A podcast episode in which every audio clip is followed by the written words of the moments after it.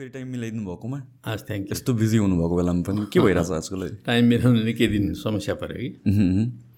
यो चुनाव एन्ड एभ्रिथिङले गरेर अलि बेसी हो त्यसको तयारी पनि हो। अनि पोलिटिकल पार्टीहरू आफै पनि तयार हुँदैछ नि त। नयाँ नयाँ ध्रुवीकरण भइरहेछ। तपाईँहरूको पार्टी फेरि रिफर्म हुने कुरा थियो। सुन्या सुन्नमा आएको थियो कतिको ट्रुथ छ त्यसमा? यो आन्तरिक रूपमा नै पार्टी त अब भर्खर भर्खरै विद्रोहबाट बनेको हो होइन? हामी करिब करिब दस महिना पार गर्दैछौँ अहिले। त यो दस महिनाको बिचमा हामी वैचारिक रूपले राजनीतिक रूपले सैद्धान्तिक रूपले जसरी रूपान्तरित भएर खडा हुनुपर्ने हो त्यो कुरामा अझै हामीसँग केही कमी कमजोरीहरू छन्। सङ्गठनात्मक रूपले हामी राष्ट्रव्यापी रूपमा एक ढङ्गले गयौँ है तर अब वैचारिक राजनीतिक रूपले यो पार्टीलाई त्यही ढङ्गले रूपान्तरित गरेर एउटा चाहिँ इन्डिपेन्डेन्ट र एउटा सोभरिन पार्टीको रूपमा यसलाई स्थापित गर्न अझै हामीले गर्नुपर्ने थुप्रै काम छ। जस्तो कि अब तपाईँहरू त अब एकदम सिनियर लिडर्सहरू पावरफुल लिडर्सहरू एज अ होल टुगेदर काम गर्न कतिको गाह्रो हुन्छ? किनभने सबैको एउटा पोलिटिकल आइडियोलोजी सिमिलर भए पनि कति कुरामा त त्यसमा पनि सानो सानो डिफ्रेन्सेस त हुन्छ नि त। अनि त्यो मिलेर एउटा एज अ होल युनिट काम गर्दाखेरि चाहिँ कतिको प्रब्लमेटिक हुन्छ कतिको गाह्रो हुन्छ त्यो? वास्तवमा पोलिटिकल पार्टी निर्माण गर्न त्यस्तो गाह्रो होइन। र सजिलो पनि होइन। किनभने एउटा राजनीतिक पार्टी निर्माण गर्नुको लागि उसँग स्पष्ट वैचारिक राजनीतिक कार्यदिशा हुनु पर्यो नीति हुनु पर्यो सिद्धान्त हुनु पर्यो उसले के बाटो लिएर हिँड्छ त्यो बाटोमा क्ल्यारिटी हुनु पर्यो उनीहरूको लक्ष्य के हो के लक्ष्यको निम्ति त्यो पार्टी स्थापना भएको हो त्यो लक्ष्य स्पष्ट हुनु पर्यो र त्यो लक्ष्यमा पुग्ने उसका रणनीति के हुन्छन् कार्यनीति के हुन्छन्। त्यो कुरा प्रष्ट हुनु पर्यो। अनि त्यो पार्टीका नेता कार्य कार्य कार्यकर्ताहरूले कस्तो कार्यशैली अप्नाएर जान्छन्? है त्यो कुरामा पनि प्रष्ट हुनु पर्यो। अरू पार्टीहरूभन्दा ऊ केमा भिन्न छ? त्यो भिन्नता पनि प्रष्ट हुनु पर्यो। नत्र भने एउटा पार्टी र अर्को पार्टीको आवश्यकताका बिचमा भिन्नता गर्नै सक्दैन नि मान्छेले। अनि नयाँ पार्टी किन आवश्यक पर्यो त? भन्ने पनि प्रश्न उठ्न सक्छ। त्यसो हुनाले त्यो भिन्नता छ भने भिन्नता क्लियर हुनु पर्यो। भिन्नता छैन भने धेरै त्यो कनी कनी भिन्नता निकाल्नुपर्ने आवश्यकता पनि पर्दैन। कुरा त्यो। हो। जस्तो कि अब अनेस्टली भन्नु पर्दाखेरि म र मेरो भ्युवर्सहरू भनेको त्यस्तो पोलिटिक्समा एकदम डिपली लागेको चाहिँ होइन। हामीहरूले चाहिँ बल्ल सिकिरहेको नयाँ कुराहरू थाहा पाइरहेको छौँ होइन? सो यसमा चाहिँ कति कुराहरू हामीलाई चाहिँ पोलिटिक्सको हिस्ट्रीको बारेमा थाहा छैन होला। पोलिटिक्सको बारेमा कसरी भनौँ न हाम्रो देशमा कसरी चलिरहेको छ अहिलेसम्म for from long period of time त्यो कुराहरू कति कुराहरू थाहा हुँदैन होला कि? सो त्यो बेसबाट चाहिँ म जहिले पनि क्वेसन सोध्न खोज्छु तपाईँलाई या जसलाई भए पनि। सो द्याट किनभने कस्तो हुन्छ भनेर मेरो पर्सनल एक्सपिरियन्स टिभीहरूमा हेर्दाखेरि एकदम अर्कै लेभलको कन्भर्सेसन भइरहेको हुन्छ कि जुन म बुझ्दै बुझ्दिनँ र इन्ट्रेस्ट पनि जाग्दैन। अनि त्यो त्यो बेस ग्राउन्ड कहिले कभर भएन कि? सो मेरो जब यो पडकास्ट या सिरिज स्टार्ट गरेँ जुन पनि फिल्डको मान्छेले आउँदा चाहिँ मेरो कुरा भनेको चाहिँ एकदम बेसिकभन्दा बेसिक मान्छेहरूले बुझोस्। अनि यहाँबाट स्टेप अप भएर अरू ठाउँमा चाहिँ रिसर्च गर्न जानु या बुझ्न जानु भनेको द्याट्स अ डिफ्रेन्ट थिङ होइन? तर बेसिक अन्डरस्ट्यान्डिङ चाहिँ हामीले बुझ्नु पऱ्यो। कि तपाईँको तपाईँको करियरमा जुन पार्टी तपाईँहरूको फुटेको थियो वान पोइन्टमा के कारणले त्यो भएको थियो? के के इन्डिफरेन्सेसहरू भएको थियो त्यो? वास्तवमा के थियो भने बडो महत्त्वपूर्ण प्रश्न गर्नुभयो तपाईँले होइन। अहिलेको समकालीन राजनीतिमा जस्तो हामीले बैसठी त्रिसठीमा यो देशमा यो देशमा गर्नुपर्ने पुँजीवादी जनवादी क्रान्ति हामीले सम्पन्न गऱ्यौँ हजुर। है त्यो सम्पन्न गरिसकेपछि हामीले समाजवादी क्रान्ति र निर्माणको एउटा नयाँ युगमा यो देश प्रवेश गर्यो। त्यो प्रवेश गरिसकेपछि हामीले त्यो जनवादी क्रान्तिका जो उपलब्धिहरू हुन् त्यो उपलब्धिहरूलाई संस्थागत गर्नको लागि त्यसमा जति पनि हामीले हक अधिकारहरू पायौँ उपलब्धिहरू पायौँ तिनीहरूलाई संस्थागत गरिएन भने कुनै पनि बेलामा खोसिन सक्थे। त्यस कारणले हामीले सबभन्दा लोकतान्त्रिक तरिकाबाट यो संस्थागत गर्नुपर्छ भनेर संविधान सभाको निर्वाचन गर्ने संविधान सभाबाट नयाँ संविधान बनाउने त्यो संविधान मार्फत यी सबै कुराहरूलाई संस्थागत गर्ने भन्ने बाटो हामीले लियौँ। यद्यपि पहिलो संविधान सभाबाट ती कामहरू सम्पन्न हुन सकेनन् र दोस्रो संविधान सभा समेत निर्वाचन गर्नु पर्यो त दोस्रो संविधान सभामा पुगेर हामीले बैसठी त्रिसठीको जनक्रान्तिबाट प्राप्त भएका जे उपलब्धिहरू हुन् जनताले प्राप्त गरेका जे हक अधिकारहरू हुन् समानताका हक आदि इत्यादि सबै कुराहरूलाई हामीले संविधानमा चाहिँ संस्थागत गऱ्यौँ। र यो संविधान यस अर्थमा जनक्रान्तिका भावनाहरूलाई संस्थागत गरिएको राम्रो संविधान छ प्रोग्रेसिभ संविधान छ। त्यस कारणले अब यो संविधान बनाइसकेपछि बल्ल हामीले चाहिँ यो पहिलो निर्वाचन गऱ्यौँ। त्यो पहिलो निर्वाचनबाट नेपाली जनताले के आशा अपेक्षा गरेछन् भन्दाखेरि यो कम्युनिस्ट पार्टीलाई जसले राष्ट्रियताको प्रश्न उठाइरहेको छ जसले आमूल परिवर्तनका कुरा उठाइरहेको छ लोकतन्त्रका कुरा उठाइरहेको छ र जनजीविकाका कुरा उठाइरहेको छ यो पार्टीलाई जितायौँ भने पक्कै पनि यो देशमा ठुलो परिवर्तन आउँछ भन्ने जनमानसमा पनि एउटा भावना बनेको कुरा प्रष्ट भयो। त यसरी हामीले पहिलो निर्वाचन सम्पन्न गऱ्यौँ। त्यो पहिलो निर्वाचन सम्पन्न गर्दा करिबन अब दुईवटा पार्टी मिलेर लडेको हुनाले नेकपा एमाले र नेकपा माओवादी केन्द्र दुईवटालाई मिलाउँदाखेरि हामीले माथिको सङ्घीय संसदमा पनि करिबन दुई तिहाई बहुमत प्राप्त गऱ्यौँ र छवटा प्रदेशहरूमा पनि हामीले बहुमत प्राप्त गऱ्यौँ दुई नम्बर प्रदेश बाहेक। र तलको पालिकाहरूमा पनि हामीले साठी प्रतिशतभन्दा बढी ठाउँमा हामीले जित्यौँ। र त्यसले गर्दाखेरि एउटा धेरै नै शक्तिशाली पार्टीको रूपमा नेकपा विकसित भएर आयो। त्यो दुईवटा पार्टी मिलाउँदा एकीकरण गर्दा हामीले नेकपा बनेका थियौँ। यो नेकपा बन्यो। अब नेकपा बनिसकेपछि त्यसको दायित्व के थियो त? भन्दाखेरि सबभन्दा पहिलो दायित्व हामीले अथवा कम्युनिस्ट पार्टीले दुई हजार छ सालदेखि उठाइरहेको इस्यु के थियो भने भूमि सुधार गर्ने। यो नेपालको भू सम्पत्ति पनि राम्रो ढङ्गले न्यायोचित ढङ्गले वितरण हुन सकेको छैन। जस्तो कि? न्यायोचित ढङ्गले भनेको छैन भनेको अब कतिपय मान्छेहरूको हातमा पहिला त अब हजारौँ हजार बिघा जमिन थियो। है? कतिपय मान्छे भूमिहीन किसानहरू छन्। होइन जनमन गर्ने भूदास जस्ता छन्। त यो खालको। त्यस्तै अब पछिल्ला भूमि सुधारले केही केही यो स्वामित्वमा साँगुरो त बनायो। तर अझै पनि कैयौँ मान्छेको हातमा चाहिँ नि जमिन केन्द्रित छ। तर कैयौँ मान्छेको हातमा चाहिँ जमिनै छैन। त यसको तथ्याङ्कको हिसाबले पनि हामीले हेर्नुपर्ने हुन्छ। त्यसरी हेऱ्यौँ भने पनि थोरै परिवारको हातमा धेरै जमिन छ। अधिकांश परिवारको हातमा जमिन छैन। हो यसलाई न्यायोचित वितरण गर्नुको निम्ति भूमि सुधारको आवश्यकता थियो। त अहिले त अहिले चाहिँ यति बेलाको अवस्थामा यो संविधान बनिसकेको अवस्थामा दुईवटा कारणले भूमि सुधार आवश्यक थियो। एउटा यो अहिले मैले भनेको न्यायोचित वितरण गर्नको लागि एउटा आवश्यक थियो। र दोस्रो चाहिँ यो विश्वमा यत्रो ठुलो प्रविधिको विकास भएको छ अहिले। यो प्रविधिको विकासले अब हामीलाई चाहिँ नि सेटेलाइटसँग जोडेर पनि ल्याउने प्र प्रविधि मार्फत चाहिँ हामीले जमिनको मापन गऱ्यौँ भने यो जमिनको सम्पूर्ण तथ्याङ्क हाम्रो सामु आउँछ। अहिले त हाम्रो सिमाना कहाँ हो त्यो पनि थाहा छैन। हामी कति चाहिँ जमिन हाम्रो के अरे हिमालमा छ अथवा हिउँले पुरेको जमिन छ कति जमिन जङ्गलमा छ कति जमिन पानीमा छ खोलाहरूले रो ओगटेको छ कति जमिन आवाज जमिन छ कति खेत छ कति बारी छ आदि इत्यादि। यो कुरा अहिलेसम्म पनि हाम्रो उसमा चाहिँ छर्लङ्ग छैन। हो त्यसो हुनाले यी सम्पूर्ण डा डाटाहरू कति मान्छेको हातमा अहिले लाल पूर्जा छ होइन? लाल पूर्जाका आकारहरू कत्रा छन् होइन? अब जस्तो अब एक हेक्टर हुने लाल पूर्जा कतिवटा छन् दस हेक्टर हुने कति छन् यस्तो चिजहरूको हामीसँग टोटल डाटा हुनुपर्छ। हो यो वैज्ञानिक डाटा लिनुको लागि पनि हामीले अहिले भूमि सुधार गर्नुपर्ने आवश्यकता छ देशमा। यो दुईवटा आवश्यकताको कारणले भूमि सुधार गर्नु जरुरी थियो तर त्यो भन्दा भन्दै पनि त्यति बेलाको हाम्रो सरकार भनौँ नेकपाको सरकार भनौँ खड्गप्रसाद शर्मा ओलीको नेतृत्वमा भएको सरकार भनौँ त्यो सरकारले बिल्कुलै वास्ता गरेन। एक। दोस्रो कुरा अब देशलाई चाहिँ नि एउटा कृषि क्रान्तिको दिशातर्फ अगाडि बढाउनु पर्ने अवस्था थियो। हाम्रो देशमा झन्डै सत्तरी प्रतिशत जनता अहिले पनि कृषिमै छन्। यी पछिल्लो डाटा हेर्ने हो भने पनि एकसट्ठी प्रतिशत जनता कृषिमा लागेका छन् भन्ने यसपालिको तथ्याङ्कले नि बताएको छ। त्यो तथ्याङ्कले जेसुकै बताए पनि वास्तवमा एबाउट सेभेन्टी पर्सेन्ट चाहिँ नि जनता कृषिमा छन्।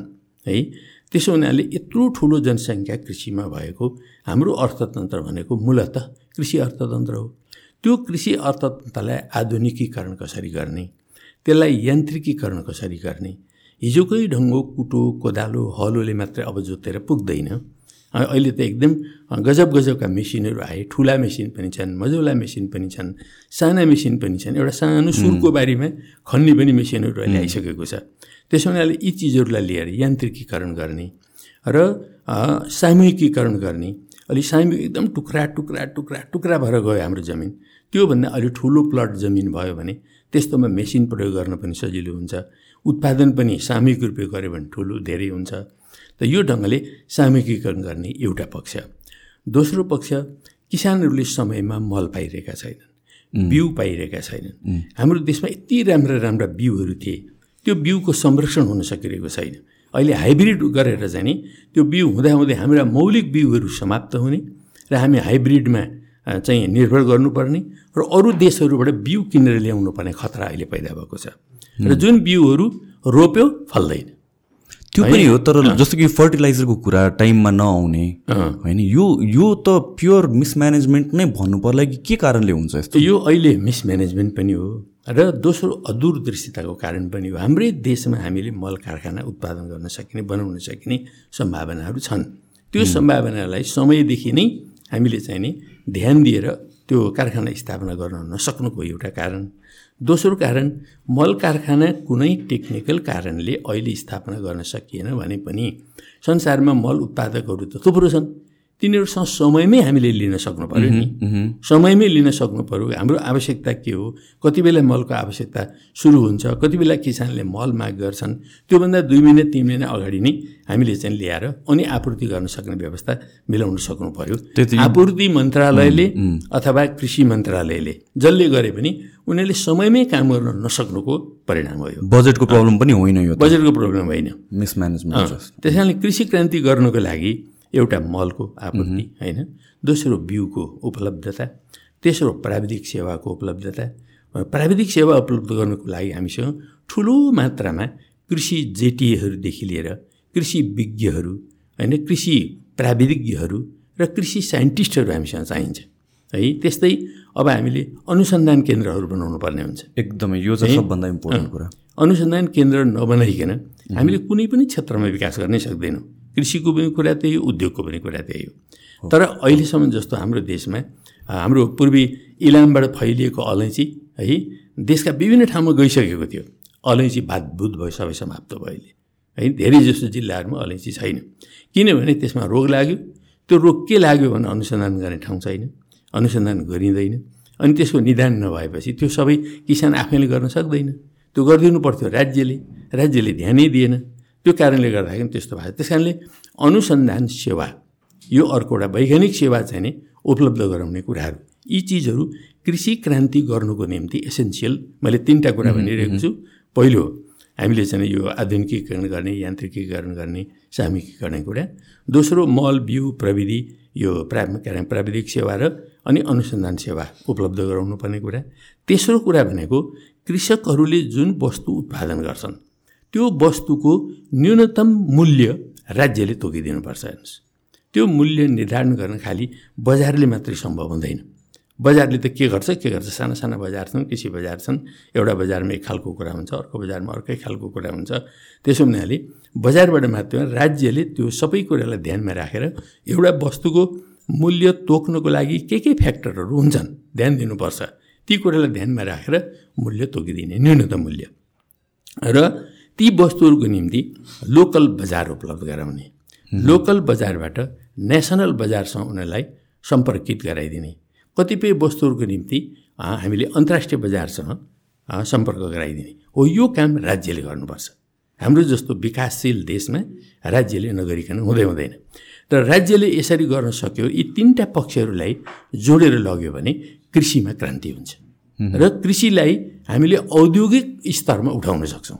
आफै एक पछि अर्को कृषि फार्महरू बन्छन् होइन? ती कृषि फार्महरू आफैमा हिजोको परम्परागत खेतीबाट औद्योगिक इकाइको रूपमा रूपान्तरित हुन्छन्। त्यही कारण हाम्रो जस्तो अर्थतन्त्रलाई उठाउने भनेकै कृषिलाई औद्योगिक स्तरमा उद्योगको धरातलमा हामीले उठाउन सक्नुपर्छ।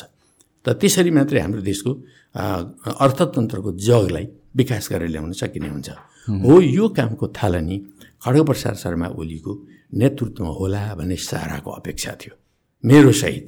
तर त्यो कुराको बारेमा उनले सुन्दै सुनेन। दोस्रो कुरा तेस्रो कुरा भनेको हामीले हाम्रो देशलाई अब औद्योगिकरणतर्फ लानुको विकल्पै छैन।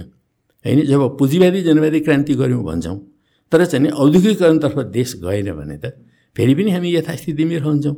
त औद्योगिकरण गर्नुको लागि हामीले राष्ट्रिय औद्योगिकरण गर्नुपर्छ। औद्योगिक राष्ट्रिय औद्योगिकरण भनेको के हो भन्दा हाम्रै देशका यथार्थतामाथि वास्तविकतामाथि हाम्रो देशका कच्चा पदार्थहरूमाथि यहाँ उपलब्ध हुने साधन स्रोतहरूमाथि आधारित उद्योगहरू। ती उद्योगहरू के हुन सक्छन् त नेपालमा? भन्दाखेरि जस्तो भन्नुहोस् हामीसँग छ हजार नदी नालाहरू छन्। जलस्रोतमा विश्वकै दोस्रो धनी देश हो। हामी जल उद्योगहरू बनाउन सक्छौँ। यी जलविद्युत आयोजनाहरू भनेका जल उद्योग नै हुन्। होइन? यस्तै अरू पनि जल उद्योग बनाउन सक्छौँ। होइन? ठुल्ठुला चाहिँ ड्यामहरू इत्यादिहरू बनाएर पोखरीहरू बनाएर पर्यटनका केन्द्रहरू बनाउन सक्छौँ माछा पालनका केन्द्रहरू बनाउन सक्छौँ जलमा जल जल खेल्ने चाहिँ उद्यमहरू बनाउन सक्छौँ। यस्ता अनेक चिजहरू बनाउन सक्छौँ र यो हाम्रो देशको विशेषता हो जल उद्योगहरू बनाउने यो एक। दोस्रो कुरा भनेको हामी कृषि आधारित अनेकन उद्योगहरू बनाउन सक्छौँ। होइन? कृषिमा आधारित अनेक खालका उद्योग हामीसँग अनेकन फलफुलहरू हुन्छन् अनेकन प्रकारका चाहिँ बिरुवाहरू हुन्छन्। ती चिजहरूलाई लिएर हामी कृषि आधारित उद्योगहरू बनाउन सक्छौँ। त त्यस्ता उद्योगहरू हाम्रो आफ्नो देशका विशेषता अनुरूपका उद्योगहरू हुन्छन्। त्यस्तै तेस्रो कुरा भनेको जडीबुटी उद्योगहरू। जडीबुटी हाम्रो देशमा जस्तो प्रकारका जडीबुटीहरू पाइन्छन् जुन प्रकारको एउटा बहुविध इकोलोजी भएको देश छ। यो देशमा जस्तो जडीबुटीहरू संसारका अरू कुनै पनि देशमा पाइँदैन। त्यसो हुनाले यो देशको विशेषतालाई ध्यानमा राखेर त्यस्ता जडीबुटीहरूका उद्यानहरू विकास गर्ने अनि ती जडीबुटीहरू प्रशोधन गर्ने उद्योगहरू स्थापना गर्ने ती जडीबुटीहरूबाट उत्पादित जुन चाहिँ के अरे औषधि हुन्छ त्यो औषधि संसारभरि हामीले बेच्यो भने बिलियन्स अफ बिलियन डलरको आय त्यो जडीबुटीले मात्रै दिन सक्छ। ती हाम्रा राष्ट्रिय उद्योग हुन्छन् है। त्यस्तै गरेर हाम्रो देशमा सौन्दर्यको हिसाबले हाम्रो देश संसारकै सुन्दर देशमध्येमा पर्छ। यो सौन्दर्य हाम्रो प्रकृतिले प्रदान गरेको असाध्यै दूरगामी महत्त्वको कमोडिटी पनि हो यो। यसलाई सेल गर्न हामीले जान्यौँ भने यो आफैमा कमोडिटी हो जो प्रकृतिको वरदान छ। अब त्यसलाई हामीले उद्योगको रूपमा विकास गर्न सक्नु पऱ्यो होइन हाम्रा चाहिँ चुलीहरू छन् यति सुन्दर चुलीहरू यति सुन्दर पहाडहरू छन् अनि अनेकन प्रकारका यहाँका अरे यो सभ्यता संस्कृतिका थलाहरू छन् मठ मन्दिरहरू छन् होइन विविध चिजहरू। चाहिँ बौद्ध परम्परासँग सम्बन्धित चिजहरू पनि त्यत्तिकै छन्। हिन्दू परम्परासँग सम्बन्धित त्यत्तिकै चिजहरू छन्। यता किराँत परम्परासँग सम्बन्धित चिजहरू पनि छन्। यी सब चिजहरूलाई लिएर हामीले पर्यटन उद्योगहरू विकास गर्न सक्छौँ। ती पनि हाम्रा राष्ट्रिय उद्योगहरू हुन्छन्। त्यसो हुनाले यस्ता चिजहरू उद्योग हामीले विकास गरेर मुलुकलाई चाहिँ एउटा राष्ट्रिय औद्योगिकरणको दिशातर्फ लानु जरुरी थियो। त त्यो काम पनि खड्गप्रसाद शर्मा ओलीको सरकारबाट हुन सकेन। हामीले चाहँदा चाहँदै मैले नै कतिपटक उहाँलाई व्यक्तिगत रूपले पनि भने। उहाँलाई चाहिँ सुझाव दिएँ तर उहाँले ती कामहरू गर्न सक्नु भएन। के कारण प्रायोरिटी डिफ्रेन्ट भएर हो कि? उहाँको इच्छै भएन त्यसमा। उहाँको चाहनै भएन। तर उहाँको भिजन नै भएन। तर मेन एजेन्डा त्यही थियो होइन त पार्टीको? हो। पार्टीले लगातार पार्टीका प्रत्येक महाधिवेशनबाट पहिलोदेखि लिएर नौ महाधिवेशनसम्म हामीले पारित गरेका दस्तावेजहरूले यही कुरा भन्छन्। है? सो उहाँको पनि अग्रिमेन्ट थियो त्यतिखेर। एग्रिमेन्ट थियो। कुनै भिन्नता थिएन। तर हामीले त्यसै गरी त्यो यो के अरे चौहत्तर साल सालको निर्वाचनमा अगाडि सारेको जुन हाम्रो घोषणापत्र हो त्यो घोषणापत्र दुईवटा पार्टीको संयुक्त घोषणापत्र थियो। त्यो घोषणापत्रमा पनि हामीले यिनै कुराहरू उल्लेख गरेका छौँ है? तर त्यो घोषणापत्रलाई पनि उहाँले वास्ता गर्नु भएन। पार्टीका महाधिवेशनका निष्कर्षलाई पनि वास्ता गर्नु भएन। पार्टीका कार्यदिशा नीति र पार्टीका कार्यक्रमिक लक्ष्यहरू जुन हुन् त्यसलाई पनि उहाँले वास्ता गर्नु भएन। यसरी उहाँले वास्ता गर्नु भएन र त्यही बेलामा हामीले व्यक्तिगत रूपले कैयौँ सल्लाहहरू दियौँ। कमरेड तपाईँ भनेको पहिलो बहुमत प्राप्त कम्युनिस्ट पार्टीको प्रधानमन्त्री हो। अल्पमतको प्रधानमन्त्री त मनमोहनजी हुनुभयो। मनमोहनजी नौ महिना मात्रै हुनुभयो तर उहाँले जति काम गरेर जानुभयो अहिलेसम्म पनि कालजयी काम गरेर जानुभएको छ। आफ्नो गाउँ आफै बनाऊ। ज्येष्ठ नागरिकहरूलाई सम्मान नौ सहका कार्यक्रम जस्ता कार्यक्रमहरूले मनमोहनजी सदा सदाका लागि बाँचेर जानु। है तर त्यस्तै तपाईँको सामु त मनमोहनजीको भन्दा बिसौँ गुणा ठुलो व्यापक अवसर अहिले प्राप्त भएको छ। यो ऐतिहासिक अवसर हो। त्यस कारण तपाईँले एउटा ब्रेक थ्रु गरेर जान सक्नुपर्छ। यी कामहरू गर्नुहोस्। अहिले मैले जो भने यी कामहरू उहाँलाई सुझाव मैले राखेँ। त्यस्तै अब राष्ट्रिय औद्योगिकहरूको साथसाथै हामीले शिक्षाको क्षेत्रमा हेर्नुहोस् हाम्रो शिक्षाको क्षेत्र एकदम बढी व्यापारीकरण हुँदै गइरहेको छ। है निजी निजी क्षेत्र चाहिँ अलिक क्वालिटीको जस्तो गुणस्तरको जस्तो सार्वजनिक शिक्षा चाहिँ लगातार गिर्दो हेर्नुहोस् हामीसँग बाह्रवटा युनिभर्सिटीहरू छन् तर त्यो युनिभर्सिटीबाट उत्पादित भएका डिग्री लिएका मान्छेहरू के गर्दैछन् त? भन्दाखेरि त्यो डिग्री लिएका मान्छेहरूले हाम्रो देशको यो राष्ट्रिय विकासको निम्ति चाहिँ ठोस योगदान गर्न सक्ने अवस्था देखिँदैन। त्यो क्वालिटीको मेन पावरै हामीले युनिभर्सिटीले डेभलप गर्न सकिरहेको छैन। त्यसो हुनाले हाम्रो एजुकेसन सिस्टम जुन छ त्यो सिस्टम असाध्यै परम्परावादी भयो। त्यो मेकिया बेलीको एउटा चाहिँ खालि अनुसरण गर्ने खालको कुरा मात्रै हो। ब्रिटिस कोलोनियल सिस्टममा विकास गरेको चाहिँ एजुकेसनलाई हामीले फलो गरेको मात्रै भयो। त्यसो हुनाले हामीले हाम्रो देशको आवश्यकता अनुकूलको शिक्षा बनाउनु पऱ्यो हामीलाई कस्तो मेन पावर चाहिन्छ अहिले? जस्तो हाइड्रो पावरमा काम गर्न सक्ने म्यान पावर चाहियो जडीबुटी जान्न सक्ने म्यान पावर चाहियो हाम्रो इन्भाइरोमेन्ट बुझ्ने म्यान पावर चाहियो हाम्रो चाहिँ नि यो सौन्दर्यलाई औद्योगिकरण गर्न सक्ने मेन पावर चाहियो। हो त्यस्तो मेन पावरलाई निर्माण गर्ने कुरामा हामीले प्राथमिकता दियौँ भने मात्रै वास्तवमा हाम्रो देशले चाहेको जनशक्ति विकसित हुन्छ। यिनै भाइ बहिनीहरूले यिनै हाम्रो नेपालका दिदीबहिनी दाजुभाइहरूले नेपाललाई विकास गर्न सक्ने एउटा चाहिँ नयाँ भिजन लिएर उनीहरू अगाडि बढ्न सक्छन्। तर युनिभर्सिटीले त्यो चिज दिन सक्नु पऱ्यो त्यो अहिलेसम्म पनि यही प्रब्लम छ कि? आई मिन यो त कति वर्ष भइसक्यो त यस्तो कुरा उठेको त यो हामीले गर्नुपर्छ भनेर थाहा पाएको। प्रब्लम के भयो भने चाहिँ हामीले यहाँ अहिले प्रेजेन्ट मात्रै हेरेर चाहिँ एजुकेसन सिस्टमले भनौँ न अब त्यो रटेर पढ्ने अल द्याट थिङ त्यो त कुरा छँदैछ कि? हाम्रो प्रायोरिटी के हुनु पऱ्यो भनेपछि किन सत्तरी अस्सी पर्सेन्ट हाम्रो स्टुडेन्टहरू सबै कमर्स मात्र किन पढिरहेछ त? हामीलाई चाहिएको के हो त? हामीलाई लेट चाहिँ पाँच वर्षपछि इन्जिनियर्सहरू चाहिरहेछ भनेर भनेपछि इन्जिनियरिङलाई कसरी प्रमोट गर्ने भनेर त अहिलेदेखि सुरु गर्नु पऱ्यो हाम्रो करिकुलम त्यो अनुसारले हुनु पऱ्यो न कि पाँच वर्षपछि मार्केटमा को को छ अभाइलेबल छ त्यहाँ त्यतिखेर खोलौँ। त्यतिखेर त एकदमै लिमिटेड अप्सन हुन्छ नि त। सो पाँच वर्ष दस वर्ष अगाडिको भिजन हेरेर त्यसलाई रिभर्स इन्जिनियरिङ गरेर करिकुलम अहिले डेभलप गर्नु पऱ्यो र एउटा सिम्पल थिङ्स लाइक दिस मा पनि कोअर्डिनेसन छैन। किनभने यो त बेसिक कुरा हो नि त। कन्ट्री इकोनोमी ट्रान्सफर गर्ने ट्रान्सफर्म गर्ने भनेर भन्छौँ। ट्रान्सफर्मेसन कसरी हुन्छ जब म्यान पावर नै स्किल्ड छैन? र जो बाहिरबाट स्किल्ड भएर आउँछ ऊ त बाहिरै बस्छ क्या एक्ज्याक्टली त्यस कारणले अब हाम्रो एजुकेसनलाई नै जुन ढङ्गले आधारभूत रूपले विकास गर्नु पऱ्यो। यो त्यो अलिकति हामीले हायर एजुकेसनको कुरा गऱ्यौँ एकदम प्रारम्भिक ठाउँमा जानुभयो भने प्राइमेरी लेभलमा जानुभयो भने बालबच्चाहरूलाई हामीले कसरी शिक्षित गर्ने? उनीहरूलाई नैतिक शिक्षा भन्छौँ नि हामी। त्यो चाहिँ जिरो जस्तै छ। अहिलेको करिकुलममा छँदै छैन। होइन हाम्रो देशले गौतम बुद्ध जन्मायो। होइन गौतम बुद्धले के शिक्षा दिए? कपिल मुनि जन्मायो। कपिल मुनिले के शिक्षा दिए? अरण्यको जस्ता एउटा धुरन्धर आर्टिस्ट जन्मायो। त्यो अरण्यकोबाट हामीले के सिक्छौँ? यस्ता यस्ता भनौँ न विभिन्न व्यक्तित्वहरू हाम्रै देशमा पनि छन् अनि विश्वमा पनि छन्। ती माने व्यक्तित्वहरूबाट विभूतिहरूबाट हामी के सिक्छौँ? यो बालबच्चाहरूलाई हामीले सिकाउनु पर्ने कुरा थियो कि? होइन? जस्तो बुद्धको मात्रै शिक्षा चोरी नगर नढाँट आदि जस्ता मात्रै यी पञ्चशीलका कुराहरू होइन? हामीले चाहिँ नि सिकाउन सक्यौँ बालबच्चालाई भने नैतिक बान बालबच्चाहरूको नयाँ जेनेरेसन विकसित हुन्छ नि। अहिले हेर्नुहोस् त सानो सानो बालबच्चाहरूमा पाँच वर्ष दस वर्ष तेह्र वर्ष पन्ध्र वर्षका बालिकाहरूमाथि जुन नङ्गालको एउटा चाहिँ अत्याचार भइरहेछ। यौन हिंसा भइरहेको छ। त यो खालको चिन्तन जुन छ समाजमा यो चिन्तन केले उपज गरिरहेछ? कस्तो वातावरणले यो जन्माइरहेको छ? त्यो वातावरणलाई कसरी हामी उन्मूलन गर्न सक्छौँ? यो त शिक्षासँग सम्बन्धित छ नि। त्यही यो शिक्षा आधारभूत तहदेखि नै हामीले आमूलचुल परिवर्तन गर्नुपर्ने जरुरत छ र नयाँ करिकुलम विकास गर्नुपर्ने आवश्यकता छ। नयाँ पाठ्यक्रम ल्याएर बालबालिकाहरूलाई तलैदेखि एउटा चाहिँ नयाँ शिक्षाले एकदमै प्रगतिशील शिक्षाले चाहिँ उनीहरूलाई रूपान्तरण गर्न सक्यौँ भने बल्ल देशमा आवश्यक पर्ने मेन पावर पनि डेभलप हुनसक्छ र उनीहरूले चाहिँ भोलि म के हुन्छु भन्ने कुरा चोइस गर्ने पनि उनीहरूको स्वतन्त्रता हामीले कायम गर्न सक्नुपर्छ र त्यो चोइस अन अन्तर्गतको शिक्षा दिन सक्यौँ भने बल्ल देशले चाहेको मेन पावर पाउँछ। ठिक यसरी नै स्वास्थ्यमा हेर्नुहोस्। अब यो सार्वजनिक शिक्षा यो शिक्षालाई निजीकरण गरेर हुँदैन। निजी क्षेत्रले पनि भूमिका खेल्दैछ धन्यवाद छ। तर मुख्य गरिकन सार्वजनिक क्षेत्रलाई नै हामीले सुदृढ गर्न सक्नुपर्छ। यो शिक्षा दिने काम भनेको राज्यको काम हो।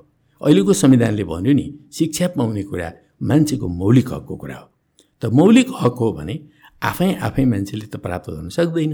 राज्यले त्यो मौलिक उपभोग गर्ने वातावरण बनाउनु पऱ्यो तब मात्रै शिक्षा विकास हुन सक्छ। ठिक यही कुरा अब स्वास्थ्यमा लागु हुन्छ। स्वास्थ्य क्षेत्रमा पनि आम जनताको पहुँचमा पुग्ने गरिकन हामीले चाहिँ नि त्यो हेल्थ केयर सिस्टम विकास गर्न सक्नु पऱ्यो स्वास्थ्यका संरचनाहरू तल तल पालिका वार्डहरूसम्म हामीले पुर्याउन सक्नु पऱ्यो र सर्वसाधारण जनतालाई जे खालको चाहिँ अहिले आधारभूत स्वास्थ्य सेवाको आवश्यकता छ त्यो स्वास्थ्य सेवा नि शुल्क बनाउनु सक्नु पऱ्यो अब ठुल्ठुला रोगहरू जो डरलाग्दा रोगहरू छन् क्यान्सर जस्ता रोगहरू होइन? यस्ता अब कसैको किडनी चेन्ज गर्नु पऱ्यो किडनी बिग्रियो। त्यो पनि निकै नै महँगो चिज छ है। यस्ता खालको कुराहरूको लागि के गर्ने भन्ने कुरामा राज्यले स्पेसल सहयोग गर्न सक्नु पऱ्यो है। त्यसो गरेर मात्रै हामीले चाहिँ जनताको स्वास्थ्यलाई सुरक्षा गर्न सक्छौँ। र यो चिजमा पनि त्यही ढङ्गको परिवर्तनको आवश्यकता थियो। तर त्यो सरकारले यी कुराहरूमा पहल गर्ने गरेन हेर्नुहोस्। त्यस्तै हामी हामी मेरो चाहिँ के थियो भने मैले खड्गप्रसाद शर्मा ओलीलाई मैले सुझाव दिएको कि तपाईँ एउटा अभियान चलाउनुहोस्। गरिबी उन्मूलनको अभियान। अहिले संयुक्त राष्ट्रसङ्घले पनि जुन ढङ्गले गरिबी उन्मूलन अभियानको बारेमा चाहिँ दुई हजार तिससम्ममा विश्वबाट नै गरिबी उन्मूलन गर्नुपर्छ भन्ने एउटा चाहिँ गोल अगाडि सारेको छ। त प्रत्येक राष्ट्रले त्यो कुरालाई अगाडि बढाउन खोजिरहेका छन्। त हामी किन पाँच वर्षभित्रमा गरिबी उन्मूलन गर्ने प्रोग्राम नबनाउने? यो त पाँच वर्ष सरकार हो। त्यस कारणले यो अभियानको थालनी गरौँ। सिद्धिने छ भने अर्को कालखण्ड आउला।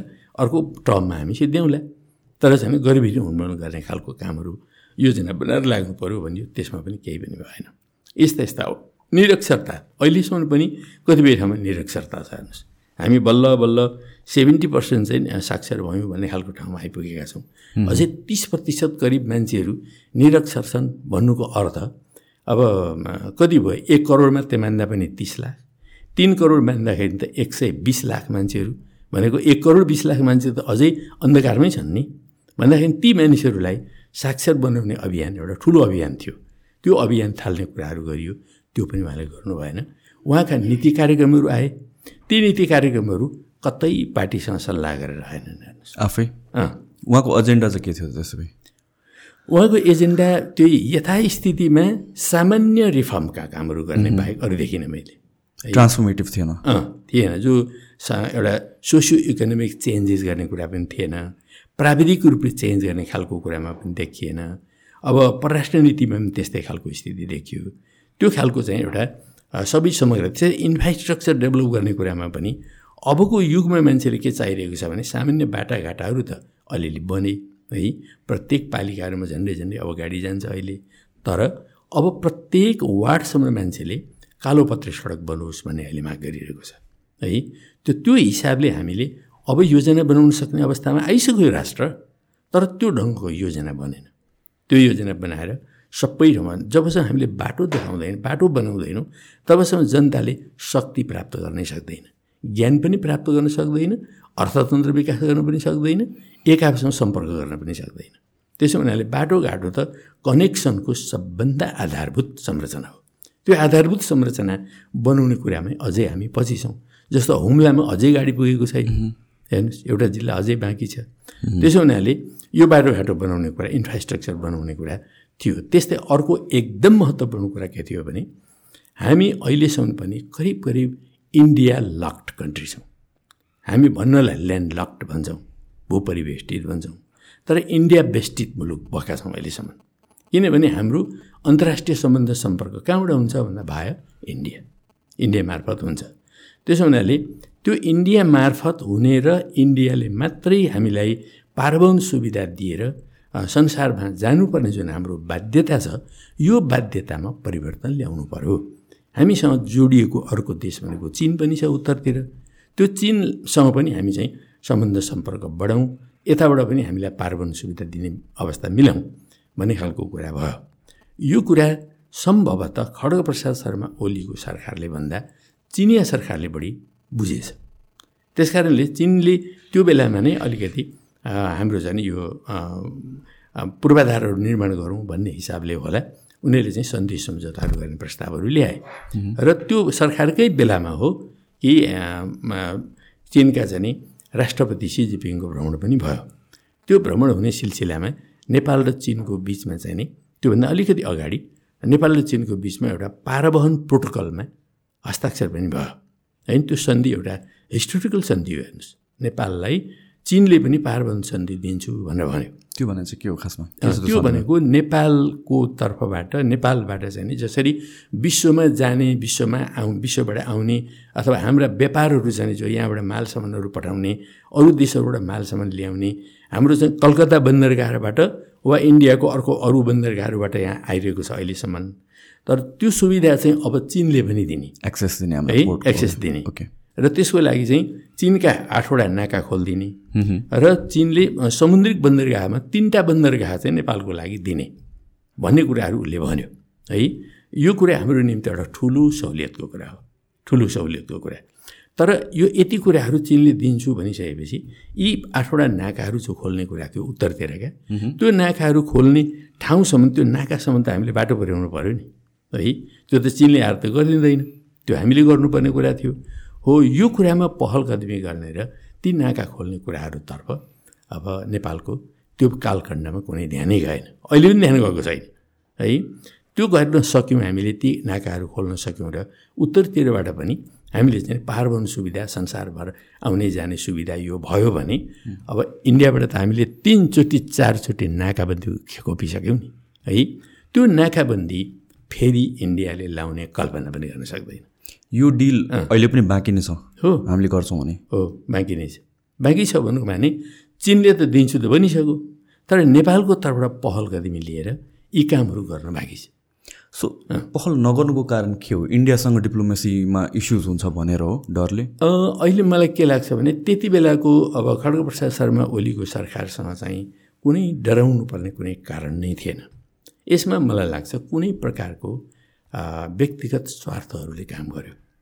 अब त्यसमा चाहिँ नि इन्डियासँगको सम्बन्ध अथवा अमेरिकासँगको सम्बन्ध र आफ्नै पार्टीभित्र आफैले गर्दा उत्पन्न भएका केही समस्याहरू। जस्तो अघि मैले भने जे जे कामहरू उहाँले गर्नु पर्थ्यो गर्नु भएन। त्यो नगरेपछि हामीले प्रश्न उठाउन थाल्यौँ। तपाईँले त अब यो कम्युनिस्ट पार्टीका जुन कार्यक्रमहरू हुन् नीतिहरू हुन् सिद्धान्तहरू हुन् त्यो बिल्कुलै लागू गर्नु भएन। पार्टीका निर्णय पनि लागू गर्नु भएन। अब यसरी गर्नु भएन भने त यो त पार्टीसँग त मिल्ने कुरा त भएन नि। गभर्मेन्ट यो किन यस्तो गरेको? भने हामीले प्रश्न उठाउन थाल्यौँ। त्यो प्रश्न उठाएपछि उहाँको कस्तो रहेछ बानी भन्दाखेरि जसले प्रश्न उठायो त्यो प्रश्न उठाउनेलाई विरोधी जस्तो ठान्ने। है? मान्छेले प्रश्न उठाउने भनेको त उसलाई सहयोग गर्नुको लागि पनि हो नि होइन? तर उहाँले विरोधी ठान्नुभयो। हुँदा हुँदै त्यो पार्टीलाई नै असहयोगी ठान्न पुग्नु उहाँले। पार्टी त उहाँलाई झन् राम्रा कामहरू गरोस् राम्रा कामहरू गर्न सक्नुहोस् ऐतिहासिक रूपले पार्टी पनि स्थापित होस् उहाँ पनि स्थापित हुनुहोस् भन्नुको लागि प्रश्न उठाएको थियो। तर उहाँले चाहिँ विभिन्न ढङ्गले यो मलाई मप्रति विरोध सुरु गरियो भन्ने रूपमा लिनुभयो र भन्दा नै उहाँले के भन्न थाल्नु मलाई घेराबन्दी गर्न थालियो भन्नु अरू केही भएको छैन जस्तो अब समय संसदबाट कुनै असहयोग कसैले गरेका छैन। हामीले त गर्ने कुरै आएन। उहाँले चारवटा नीति कार्यक्रम ल्याउनु पहिलो पटकको ल्याउनु हो एकदमै त्यो यथास्थितिवादी ल्याउनु कुनै एउटा चाहिँ आमूल परिवर्तन गर्ने केही पनि आएन। हामीले आलोचना गऱ्यौँ पार्टीभित्रै। दोस्रो पटक आउँछ कि भन्यो दोस्रो पटकको पनि त्यस्तै आयो। तेस्रो पटकको आउँछ कि भन्यो तेस्रो पटक पनि आउँ त्यस्तै आयो। चौथो पटकको आउने बेलामा हामीले चाहिँ त्यो जुन दिन आउँछ भन्ने थाहा पायौँ थाहा पाएपछि तुरन्त सचिवालयको बैठक गर्नु पऱ्यो भनेर भन्यो। सचिवालयको बैठक राखियो। राखेपछि अब त्यहीँ हेरेर नयाँ दिने त कुरो प्रश्न हुन थिएन त्यहाँ भ्याउने पनि स्थिति थिएन। के के आएको छ त भन्दाखेरि उहाँले त्यो सबै भन्न पनि सक्नु भएन। लेखाउनु भएको थियो कसैलाई। अनि त्यहाँलाई सोधेर भन्नुपर्ने स्थिति बन्यो। तर हामीले के भन्यो भने कम्तीमा अरू जे जे भयो अब यो लास्ट आवरमा भ्याइँदैन। तर एउटा कुरो तपाईँले अनिवार्य राख्नु पऱ्यो भने हामीले। अनि के राख्ने भन्नु? के राख्ने भन्दाखेरि हामीले लिम्पियाधुरा कालापानी र लिपु लेक त्यो नेपालको भूमि हो र त्यो नेपालको भूमि नेपालले पाउनुपर्छ। भन्ने कुरा चाहिँ राष्ट्रपतिको मुखबाट आउने यो नीति कार्यक्रममा यसपटक पर्नै पर्छ। हामीले भन्यौँ। किनभने यो पहिलादेखि नै अटेन्सन भइरहेको इस्यु हो। पहिलादेखि नै अब हाम्रो पार्टीले त यो विषयलाई चाहिँ टनकपुर काण्ड भयो नि अडचालिस सालमा। अडचालिस सालमा भनेको जब छ्यालिस सालको परिवर्तन हो। परिवर्तन भएपछि अन्तरिम सरकार बनेको थियो। त्यो बेलामा इन्डियाले चाहिँ टनकपुर बाँध बाँधेको रहेछ। है पञ्चायतकालदेखि नै बाँध्दै आयो उसले। तर ठ्याक्कै त्यो परिवर्तन भएको बेलामा चाहिँ त्यो टनकपुर बाँधको लेफ्ट एप्लक्स बन्ड अथवा पूर्वतिरको लेफ्ट एफ्लक्स बर्न जुन हो पूर्वतिरको बर्न चाहिँ जुन छ बर्न भनेको त्यसको के अरे बाँधको टुप्पो भनौँ न बाँधको देब्रेपट्टिको टुप्पो। हो त्यो देब्रेपट्टिको टुप्पो चाहिँ नेपालको भूमिमा ल्याएर बाँध्दो रहेछ उसले। नेपालको भूमिमा बाँध्नु परेपछि त नेपालसँग सन्धि हुनु पऱ्यो सम्झौता हुनु पऱ्यो अनि मात्रै बाँध्न पाइन्छ अर्काको भूमिमा लगेर। त यो सीमा नदी हो फेरि महाकाली नदी। त हामीसँग कुनै सन्धि पनि भएको छैन सम्झौता सम्झौता पनि भएको छैन उसले धनाधन त्यसरी बनाउन थालेको रहेछ। म त्यति बेला मन्त्री थिएँ अन्तरिम मन्त्री। मलाई चाहिँ नि के अरे पश्चिम सुदूरपश्चिमका एकजना साथीले प्रेमसिंह धामीले त्यति बेला चाहिँ मलाई सूचना गर्नुभयो। यस्तो यस्तो भइरहेछ। यो लेफ्ट ब्लक बन्डमा चाहिँ भारतले जबरजस्ती बनाउन थाल्यो। नेपालले गरेको कुनै सम्झौता पनि छैन। त्यो छ कि माथि हामीलाई थाहा पनि छैन। त यसबारेमा के हो बुझ्नु पऱ्यो भन्दाखेरि त्यस्तो सम्झौता भएकै छैन। अनि त्यो मैले सुन्ने बित्तिकै म चाहिँ मन्त्री थिएँ कुनै कार्यक्रममा थिएँ म। त्यो कार्यक्रममा उहाँले फोन गर्नुभयो। फोन गरेपछि म सोझै प्रधानमन्त्री कहाँ गएँ? प्रधानमन्त्री त्यति बेला कृष्णप्रसाद भट्टराई हुनुहुन्थ्यो। कृष्णप्रसाद भट्टराई कृष्णजी प्रधानमन्त्रीकै ठ्याक्कै कुर्सीमै बसिरहनु भएको रहेछ। त्यहाँ पुगेँ। अनि प्रधानमन्त्रीजी यस्तो यस्तो खालको कुरा आयो। यो त तुरन्त रोक्नु पऱ्यो त्यसरी इन्डियाले यसरी बनाउँदैछ अरे भन्ने कुरा भएपछि अनि यो पक्का हो न पक्का हो? अनि त्यहाँ को छ त सिडी म फोन गर्छु भने मसँग नम्बर थियो सिडीसँग फोन गरेँ। फोन गरेर अनि उहाँलाई यस्तो यस्तो उहाँले भन्नुहोस् त भने फ्री गरेर मैले सुनाएँ। अनि त्यस पछाडि उहाँले चाहिँ नि त्यो उसलाई आफैले कुरा गर्नुभयो। सिडिओसँग कुराकानी गरेपछि उहाँले चाहिँ नि ल त्यस्तो हो भने तुरन्त रोक्नुहोस् अहिले। अहिले रोक्नुहोस् अब पछि हामीले चाहिँ निर्वाचित सरकार जे ढङ्गले आउँछ त्यो निर्वाचित सरकार आएपछि हामीले कुराकानी गर्छौँ। अहिले चाहिँ यो बनाउन पाउँदैनौँ र तुरन्त स्टप गरेर भने तपाईँ रोक्नुहोस्। तपाईँले भन्दा भएन भने फोर्स लगाउनुहोस्। फोर्स लगाएर रोक्नुहोस् भने उहाँले भन्नुभयो मेरै सामु त्यो भनेपछि अनि त्यो बन्द भयो। त्यो बनाउन चाहिँ। यो फोर्टी सिक्सको कुरा गरेर छौँ हामी। यो सत्तालिस सालको कुरा। सत्तालिस सत्तालिस सालको कुरा हो। त्यो रोकियो।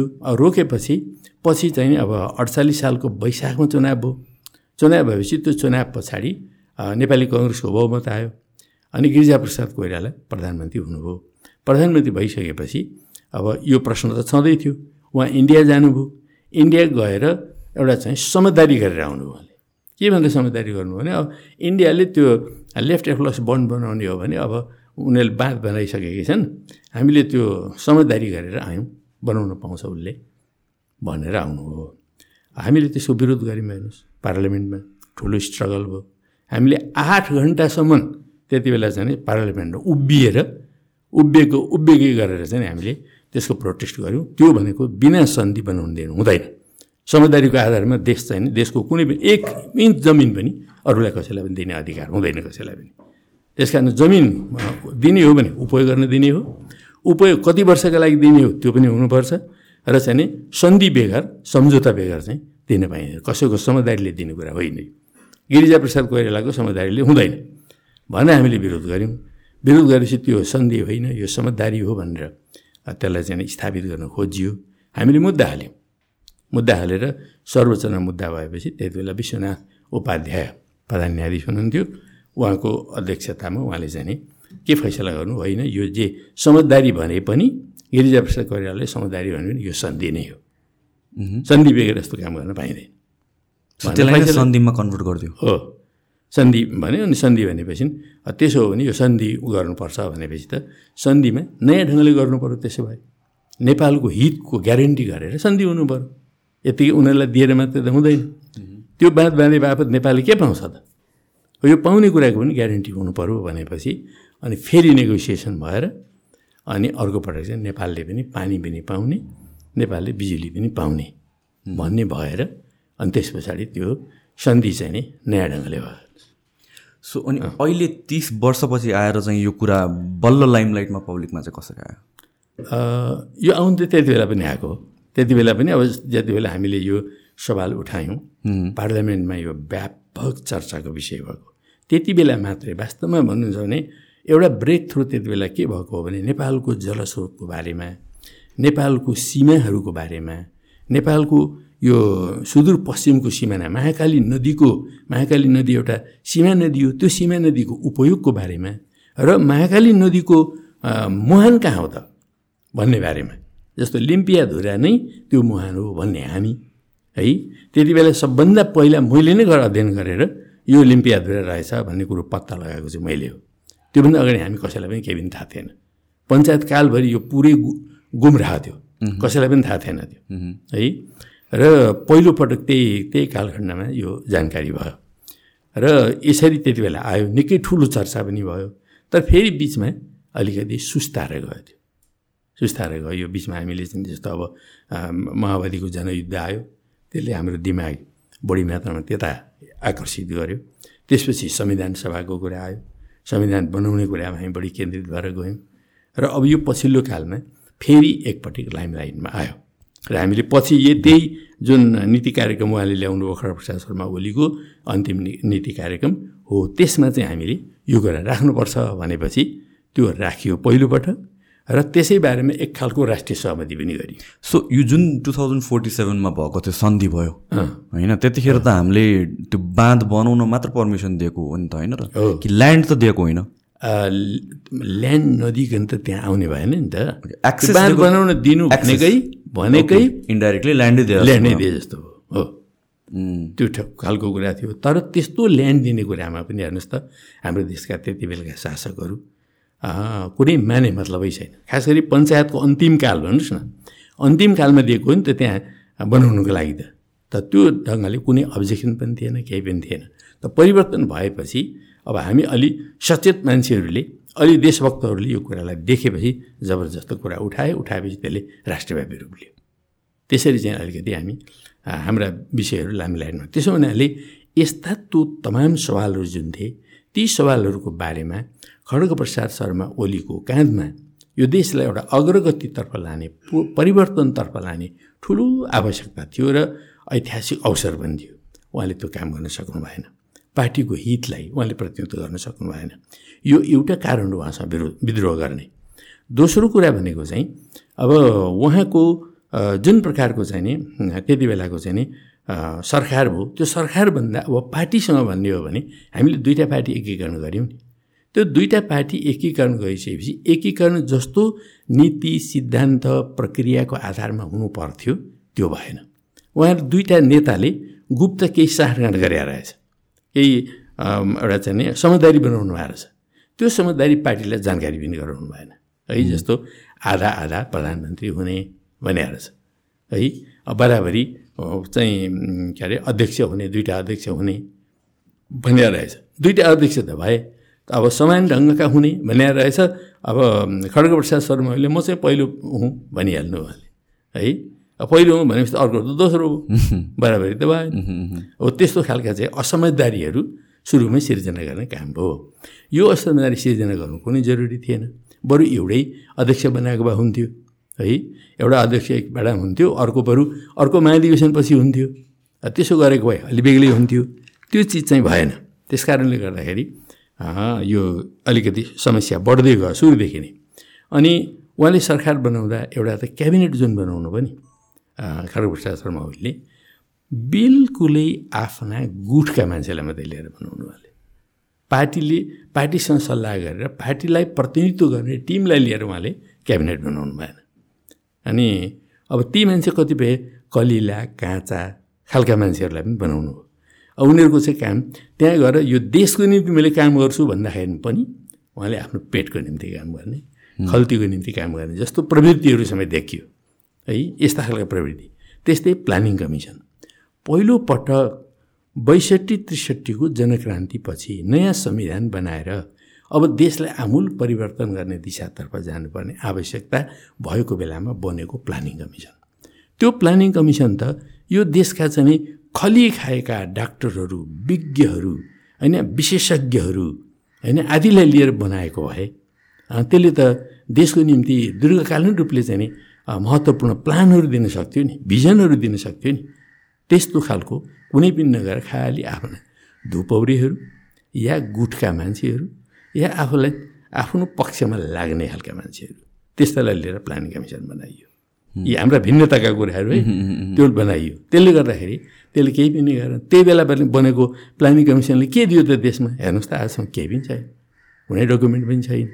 त्यो खालको स्थिति भयो त्यस्तै अब जति पनि नीतिहरू र बजेटहरू आए त्यो जनमुखी आउनै सकेन। धेरै जनमुखी कुराहरू गर्न सकिन्थ्यो त्यो हुन सकेन। चौथो कुरा भनेको ऐनहरू थुप्रो ऐनहरू आए। ती ऐनहरूलाई बढीभन्दा बढी प्रगतिशील ऐनहरू ल्याउन सकिन्थ्यो। जनहितका ऐनहरू ल्याउन सकिन्थ्यो। कतिपय क्षेत्रमा कडा गरिने ऐन ल्याउन सकिन्थ्यो। यही नागरिकताको ऐन अहिलेसम्म पनि विवादित छ नि। यसलाई दीर्घकालीन रूपले एउटा परिवर्तन गर्नै नसक्ने गरिकन चाहिँ हामी संविधान बमोजिमको नागरिकता ऐन ल्याउन सक्थ्यौँ। न यो नागरिकताको कुरा चाहिँ यो त एकदम क्रिटिकल डिसिजन हो एउटा एकदम होइन? जुन आई थिङ्क धेरैजना मेरो जेनेरेसनको मान्छेले चाहिँ बुझाएको छैन कि? यसलाई कसरी हेरिरहेको छ भनेपछि चाहिँ मेल भर्सेस फिमेल राइट्सको हिसाबले सिटिजनसिप राइट्सको हिसाबले लिइरहेको छ। तर यो त लङ रनमा हेर्ने हो भने त एकदम क्रिटिकल एउटा डिसिजन मेकिङ हो नि त अहिलेको लागि। हो। नागरिकताको सवाल नेपालको सन्दर्भमा राष्ट्रियताको सवाल हो। देशको स्वतन्त्रतासँग जोडिएको सवाल हो। देशको सार्वभौम सत्तासँग जोडिएको सवाल हो। किन त्यस्तो हो भन्दा हामी उत्तरतिर एक अरब चालिस करोड जनसङ्ख्या भएको देशसँग सीमा सीमाबद्ध छौँ। दक्षिणतर्फ एक करोड पैँत एक अरब पैँतिस करोड जनसङ्ख्या भएको अर्को देशसँग आबद्ध छौँ सीमाबद्ध छौँ। र दक्षिणपन्थीको सीमा सिमाना चाहिँ हाम्रो खुला पनि छ। सारा आवत जावत खुला छ। यस्तो अवस्थामा हिजैदेखि हाम्रो देशमा के भइरहेको छ भन्दाखेरि जनसाङ्ख्यिक अतिक्रमणको सम्भावना हाम्रो देशमा रहिआएको छ। अरू देशले हमला गर्ने भन्दा पनि यो जनसाङ्ख्यिक अतिक्रमण चाहिँ भित्रैभित्र थाहै नपाइकन संवेदनशील ढङ्गले चाहिँ एट्याक गर्ने र अर्को देशको चाहिँ सामाजिक स्थितिलाई नै रूपान्तरण गरिदिने यो एक खालको आक्रमण हो। यो जस्तो त्यो चिज भइरहेको छ अहिले पनि। अब तपाईँको एकदम अनेस्ट ओपिनियन म लिन खोज्छु होइन? जस्तो कि हाम्रो तिन करोड पपुलेसन छ। तपाईँलाई के लाग्छ एक्चुअल नेपाली पपुलेसन कति छ होला यसमा? अब कस्तो भइरहेको छ भने हाम्रो देशको पपुलेसनको अलिकति तपाईँले विकासक्रमलाई थोरै हेर्नुपर्छ यसमा। आजभन्दा दुई दशक अगाडिसम्म पनि हाम्रो देशको पपुलेसनको संरचना हेर्नु हो भने नेपालको पहाडी क्षेत्रमा टु थर्ड मेजोरिटी थियो पपुलेसनको वान थर्ड पपुलेसन हाम्रो तराईमा थियो। तराई भनेको जम्मा जम्मी हाम्रो भूभागको सत्र प्रतिशत छ है? अनि पहाड चाहिँ त्रियासी प्रतिशत छ। त्रियासी प्रतिशतमा टु थर्ड मेजोरिटी हुनु स्वाभाविक थियो। अब सत्र प्रतिशतमा वान थर्ड हुनु प्लेन भएको कारणले अवसरहरू भएको कारणले त्यहाँ हुनु पनि स्वाभाविक थियो। तर अहिले बढ्दै बढ्दै यसै साल हाम्रो चाहिँ सेन्ससको जुन नयाँ रिजल्ट आएको छ त्यो नयाँ रिजल्टले के बताउँ नयाँ तथ्याङ्कले के बताउँछ भन्दाखेरि त्रिपन्न प्रतिशत हाम्रो पपुलेसन चाहिँ अहिले त्यो सत्तर प्रतिशतमा पुगिसक्यो। है तराई क्षेत्रको पपुलेसन त्रिपन्न प्रतिशत भयो। सत्तालिस प्रतिशत मात्र अहिले पहाडी क्षेत्रमा देखिएको छ। यो चाहिँ अब जनसङ्ख्याको वितरणमा संरचनामा प्रकट भएको यो भयावह असन्तुलन हो। त्यो असन्तुलन पर्सेन्ट त गडबड भएको छ। हो त्यो असन्तुलनको कारण के हो त भन्दा तराईमा खास गरिकन दक्षिणको सिमानाभित्रबाट आएको अतिक्रमण हो त्यो। बाहिरबाट ठुलो सङ्ख्यामा मान्छेहरू प्रवेश गरिरहेका छन्। विभिन्न बाहनाबाट नागरिकता प्राप्त गरिरहेका छन्। र उनीहरू गैर नागरिक हुन् तर उनीहरूलाई नागरिकता दिने अनेकन प्रकारका बाहना भइरहेको छ। शासकहरू विभिन्न ढङ्गले चाहिँ घुँडा टेक्दै आइरहेका छन्। र अहिले बनेको यो नागरिकता ऐन पनि त्यसैको एउटा श्रृङ्खला हो। र अहिले जस्तो भन्नुहोस् न अब नेपालमा कस्तो स्थिति छ भने अरू थुप्रै कारणहरू छन्। त्यसमा त एउटा कारण भनेको अब तराईमा सीमा पारी र वारी बिहा गर्ने चलन छ। हो। अब यताबाट यताका चेली पनि के हदसम्म जान्छन् उता बिहा गरेर।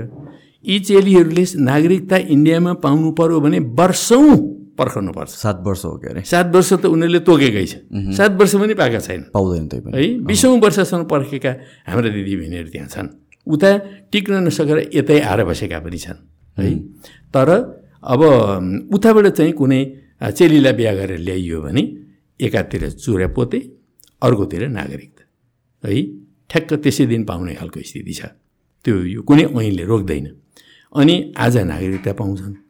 भोलि उम्मेदवारी दिनुपर्ने अवसर छ भने ठ्याक्क उम्मेदवारी पाउँछन्। पर्सि सांसद हुन्छन्। उम्मेदवार पनि सांसदकै हुन पाइन्छ। सांसद हुन्छन्। अनि निकोर्सी मन्त्री हुन्छन्। मन्त्री भएपछि हाम्रा मन्त्रालयमा के के चिज छन्? सबै कुरा चाहिँ हाँक्न पाउने हो। हेर्नुहोस्। अब यो भनेको हाम्रो राष्ट्रको गोपनीयता हाम्रो देशको आन्तरिक एउटा चाहिँ स्थिति हाम्रो देशका भित्री संरचनाहरू सब चिजहरू चाहिँ यत्तिकै पनि असुरक्षित हुने खतरा हो यो। त यो प्रकारको अवस्थाबाट राष्ट्र अहिले पनि गुज्रिरहेको छ। र अहिले बनेको ऐनले हो यो चिजलाई छुट दियो। सबभन्दा ठुलो गलत काम भनेको त्यो भयो जबकि अलि अगाडि बनेको अर्को चाहिँ एउटा ऐनको ड्राफ्ट थियो। त्यो ड्राफ्टमा चाहिँ नि यी चिजहरू हुनुहुन्न भन्ने खालको कुरा थियो। है र त्यो कुरालाई रोक्ने र उताबाट पनि यताबाट पनि बिहा गरेर आउने जानेलाई कम्तीमा पनि सात वर्ष प भएपछि मात्रै नागरिकता दिने भन्ने खालको कुरा थियो। तर त्यो चिजलाई चाहिँ नि अहिले यथा यथास्थितिमा काम गरियो। हो यो यथास्थिति राख्ने काम यसपटक फेरि अर्को गल्ती हो। न यो सबैको लागि रेस्पोन्सिबल चाहिँ को हुन्छ? यो सरकारै हो। जुनसुकै बेलाको पनि यो सरकार हो। त्यो सरकारले यस्ता कुराहरूमा दूरदर्शितापूर्ण नीति अप्नाउनु पर्ने हुन्छ। खालि चुनावलाई हेरेर होइन। चुनावको लागि कति म मत पाउँछु या पाउँदिनँ भन्ने कुरालाई हेरेर यस्ता खालका कुराहरू गर्ने गरिएको छ। यो नितान्त गलत हो। यसले राष्ट्रका हितलाई तेलन्जेली गर्ने दिने काम गरिरहेको छ।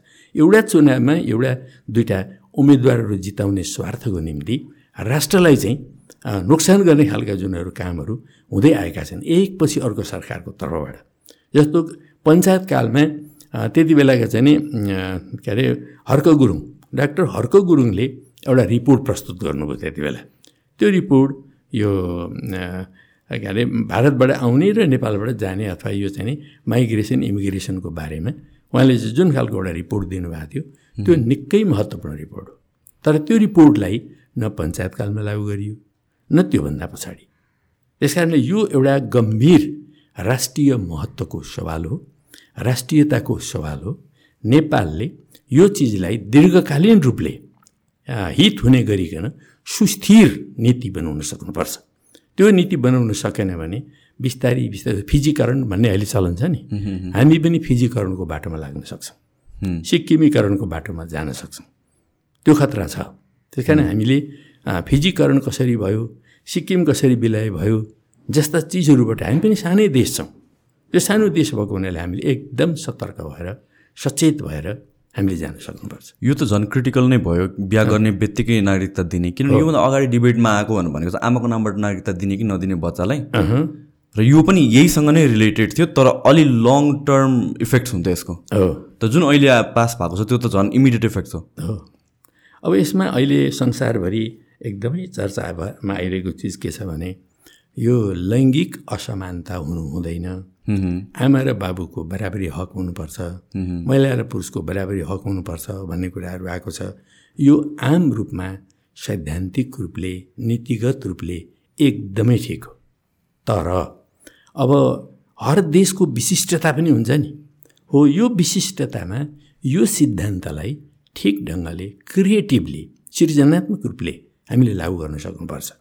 कतै यसको नाउँमा हाम्रो देशको राष्ट्रियता कमजोर हुने कुनै ठाउँ छ भने त्यो कुरामा सतर्क हुनु पऱ्यो त्यो कुरामा हामीले हाम्रो देशका दिदीबहिनी दाजुभाइ दुवैलाई हामीले के अरे शिक्षित गर्न सक्नु पऱ्यो यो सवालमा यति कुरामा ध्यान दिनुपर्छ है भनेर। जस्तो अब हामीले एनआरएनलाई पनि हामीले चाहिँ नि सुविधा दिने कुराहरू गऱ्यौँ। है एनआरएनलाई अब नागरिकता भन्दाखेरि पनि अब जबसम्म उहाँहरू चाहिँ नि विदेशमा रहनुहुन्छ विदेशका नागरिक भएको छ हुनुहुन्छ भने कमसेकम आर्थिक अधिकारहरू सामाजिक अधिकारहरू सांस्कृतिक अधिकारहरू दिने तर पोलिटिकल राइट मात्रै नदिने। किनभने उहाँहरू चाहिँ विदेशी नागरिक भइसक्यो हुनाले पोलिटिकल राइट चाहिँ नदिने भन्ने खालको कुरा जुन गरेको छ। त्यो पनि एउटा यो पछिल्लो नागरिकतामा नागरिकता ऐनमा आएको कुरो एउटा प्रगतिशील कुरा नै हो त्यो। राम्रै कुरा हो। एनआरएनलाई हामीले चाहिँ एक ढङ्गले एउटा मार्गदर्शन गर्नु जरुरी थियो। त्यो मार्गदर्शन गर्ने कुराहरू भयो। तर भङ पारेर एकातिर भङ पारियो त्यो भङ पार्ने काम त्यस्तै अर्को कुरा के पनि छ भन्दाखेरि अब कुनै पनि बालबालिकाहरू सडकमा भेटिए त्यो सडकमा भेटिएको बालबालिकालाई चाहिँ नि उसको बाबुआमा को हो भन्ने थाहा पाइएन भने राज्यले तुरन्त नागरिकता दिनुपर्छ भन्ने छ। आम रूपमा यो ठिक हो। है आम रूपमा। तर हाम्रो देशमा के स्थिति रहेछ भन्दा बिहार र उत्तर प्रदेशमा भएका चाहिँ नि जो के अरे मगन्तीहरू छन् नि दुई चार ट्रक ट्रक ट्रकमा हालेर यतातिर ल्याएर छोडिदियो भने के हुन्छ? यो यो पनि स्थिति देखिन्छ हामी है? अब केपी शर्मा ओली प्रधानमन्त्री भएको कोही पनि मगन्ते छैन अब भनेर उहाँले घोषणा गर्नु। किन हुँदैन थिए जताततै मगन्तेहरू थिए त्यो बेकारको घोषणा हो उहाँको है? अहिले म हरेक दिन बिहान के अरे स्वयम्भू जाने गर्छु। स्वयम्भूमा लाम लागेर बसेका हुन्छन् मान्छेहरू मगन्तेहरू है? को छन् भनेर मैले त्यहाँ यसो अध्ययन गरेँ। ती मान्छेहरू को रहेछन् भन्दाखेरि कोही के अरे दरभङ्गातिरका कोही त्यस्तै उता अरू ठाउँका माने इन्डियाका विभिन्न ठाउँहरूबाट आएका मान्छेहरू त्यहाँ बसेर मगन्ते भएर बसेका छन्। अब तिनीहरू पनि यही नागरिकताकै निम्ति भन्नुहुन्छ भने अब बिस्तारै बिस्तारै उनीहरूलाई पनि नागरिकता दिने ठाउँमा पुग्छ यहाँको राज्य। है यस्तो खालको तरिकाले गएपछि। हो यो पनि एउटा अति कमको सानो सङ्ख्या होला अलिक अलि अरूभन्दा है? तर यो पनि त्यस्तै प्रक्रिया हो। नाउ यो जुन सिटिजनसिप नागरिकता दिने कुरा छ यो नागरिकता पनि डिफ्रेन्ट टाइपको नागरिकता गर्न मिल्दैन र हाम्रो देशमा। पोलिटिकल राइट्स नभएको नागरिकता दिन मिल्दैन र अर्को क्याटेगोरी जस्तो एनआरएनलाई हामीले दिनु एनआरएनलाई दिने कुराहरू गऱ्यौँ। हो यस्तो कुराहरू नहुने कुरा भएन। हुनसक्छ। त्यस्तो खालको कतिपय क्याटेगोरी हामीले दिन सक्ने जस्तो अब इन्डियाबाट चाहिँ अहिले बिहा गरेर हामीले बुहारी ल्यायौँ होइन? ती बुहारीहरूलाई अब यहाँनिर आर्थिक क्रियाकलापहरू सामाजिक क्रियाकलापहरू सांस्कृतिक क्रियाकलापहरू गर्न नदिने भन्ने त हुँदैन नि। दसैँ आयो तिहार आयो होइन? त्यो बेलामा चाहिँ विभिन्न खालका चाहिँ चाडपर्वहरू आए। अब बिहा व्रत भन्न हुने भयो होइन? बालबच्चाहरू भए। यी सबै कुराहरूमा त संलग्न हुने हक अधिकार त हुँदै हुन्छन्। हो यस्ता चिजहरू दिँदै तर अब पोलिटिकल राइटको निम्ति चाहिँ यी यी मापदण्डहरू पुरा गर्नै पर्छ भनेर ऐनमै राखियो भने बल्ल मान्छे रेगुलेट हुन्छ नि। त्यही निर्देशनका आधारमा सबैले माइन्ड मेकअप गर्ने कुरा हुन्छ अनि राष्ट्र पनि त्यो ढङ्गले अगाडि बढ्छ सबै अनुशासित हुन्छन्।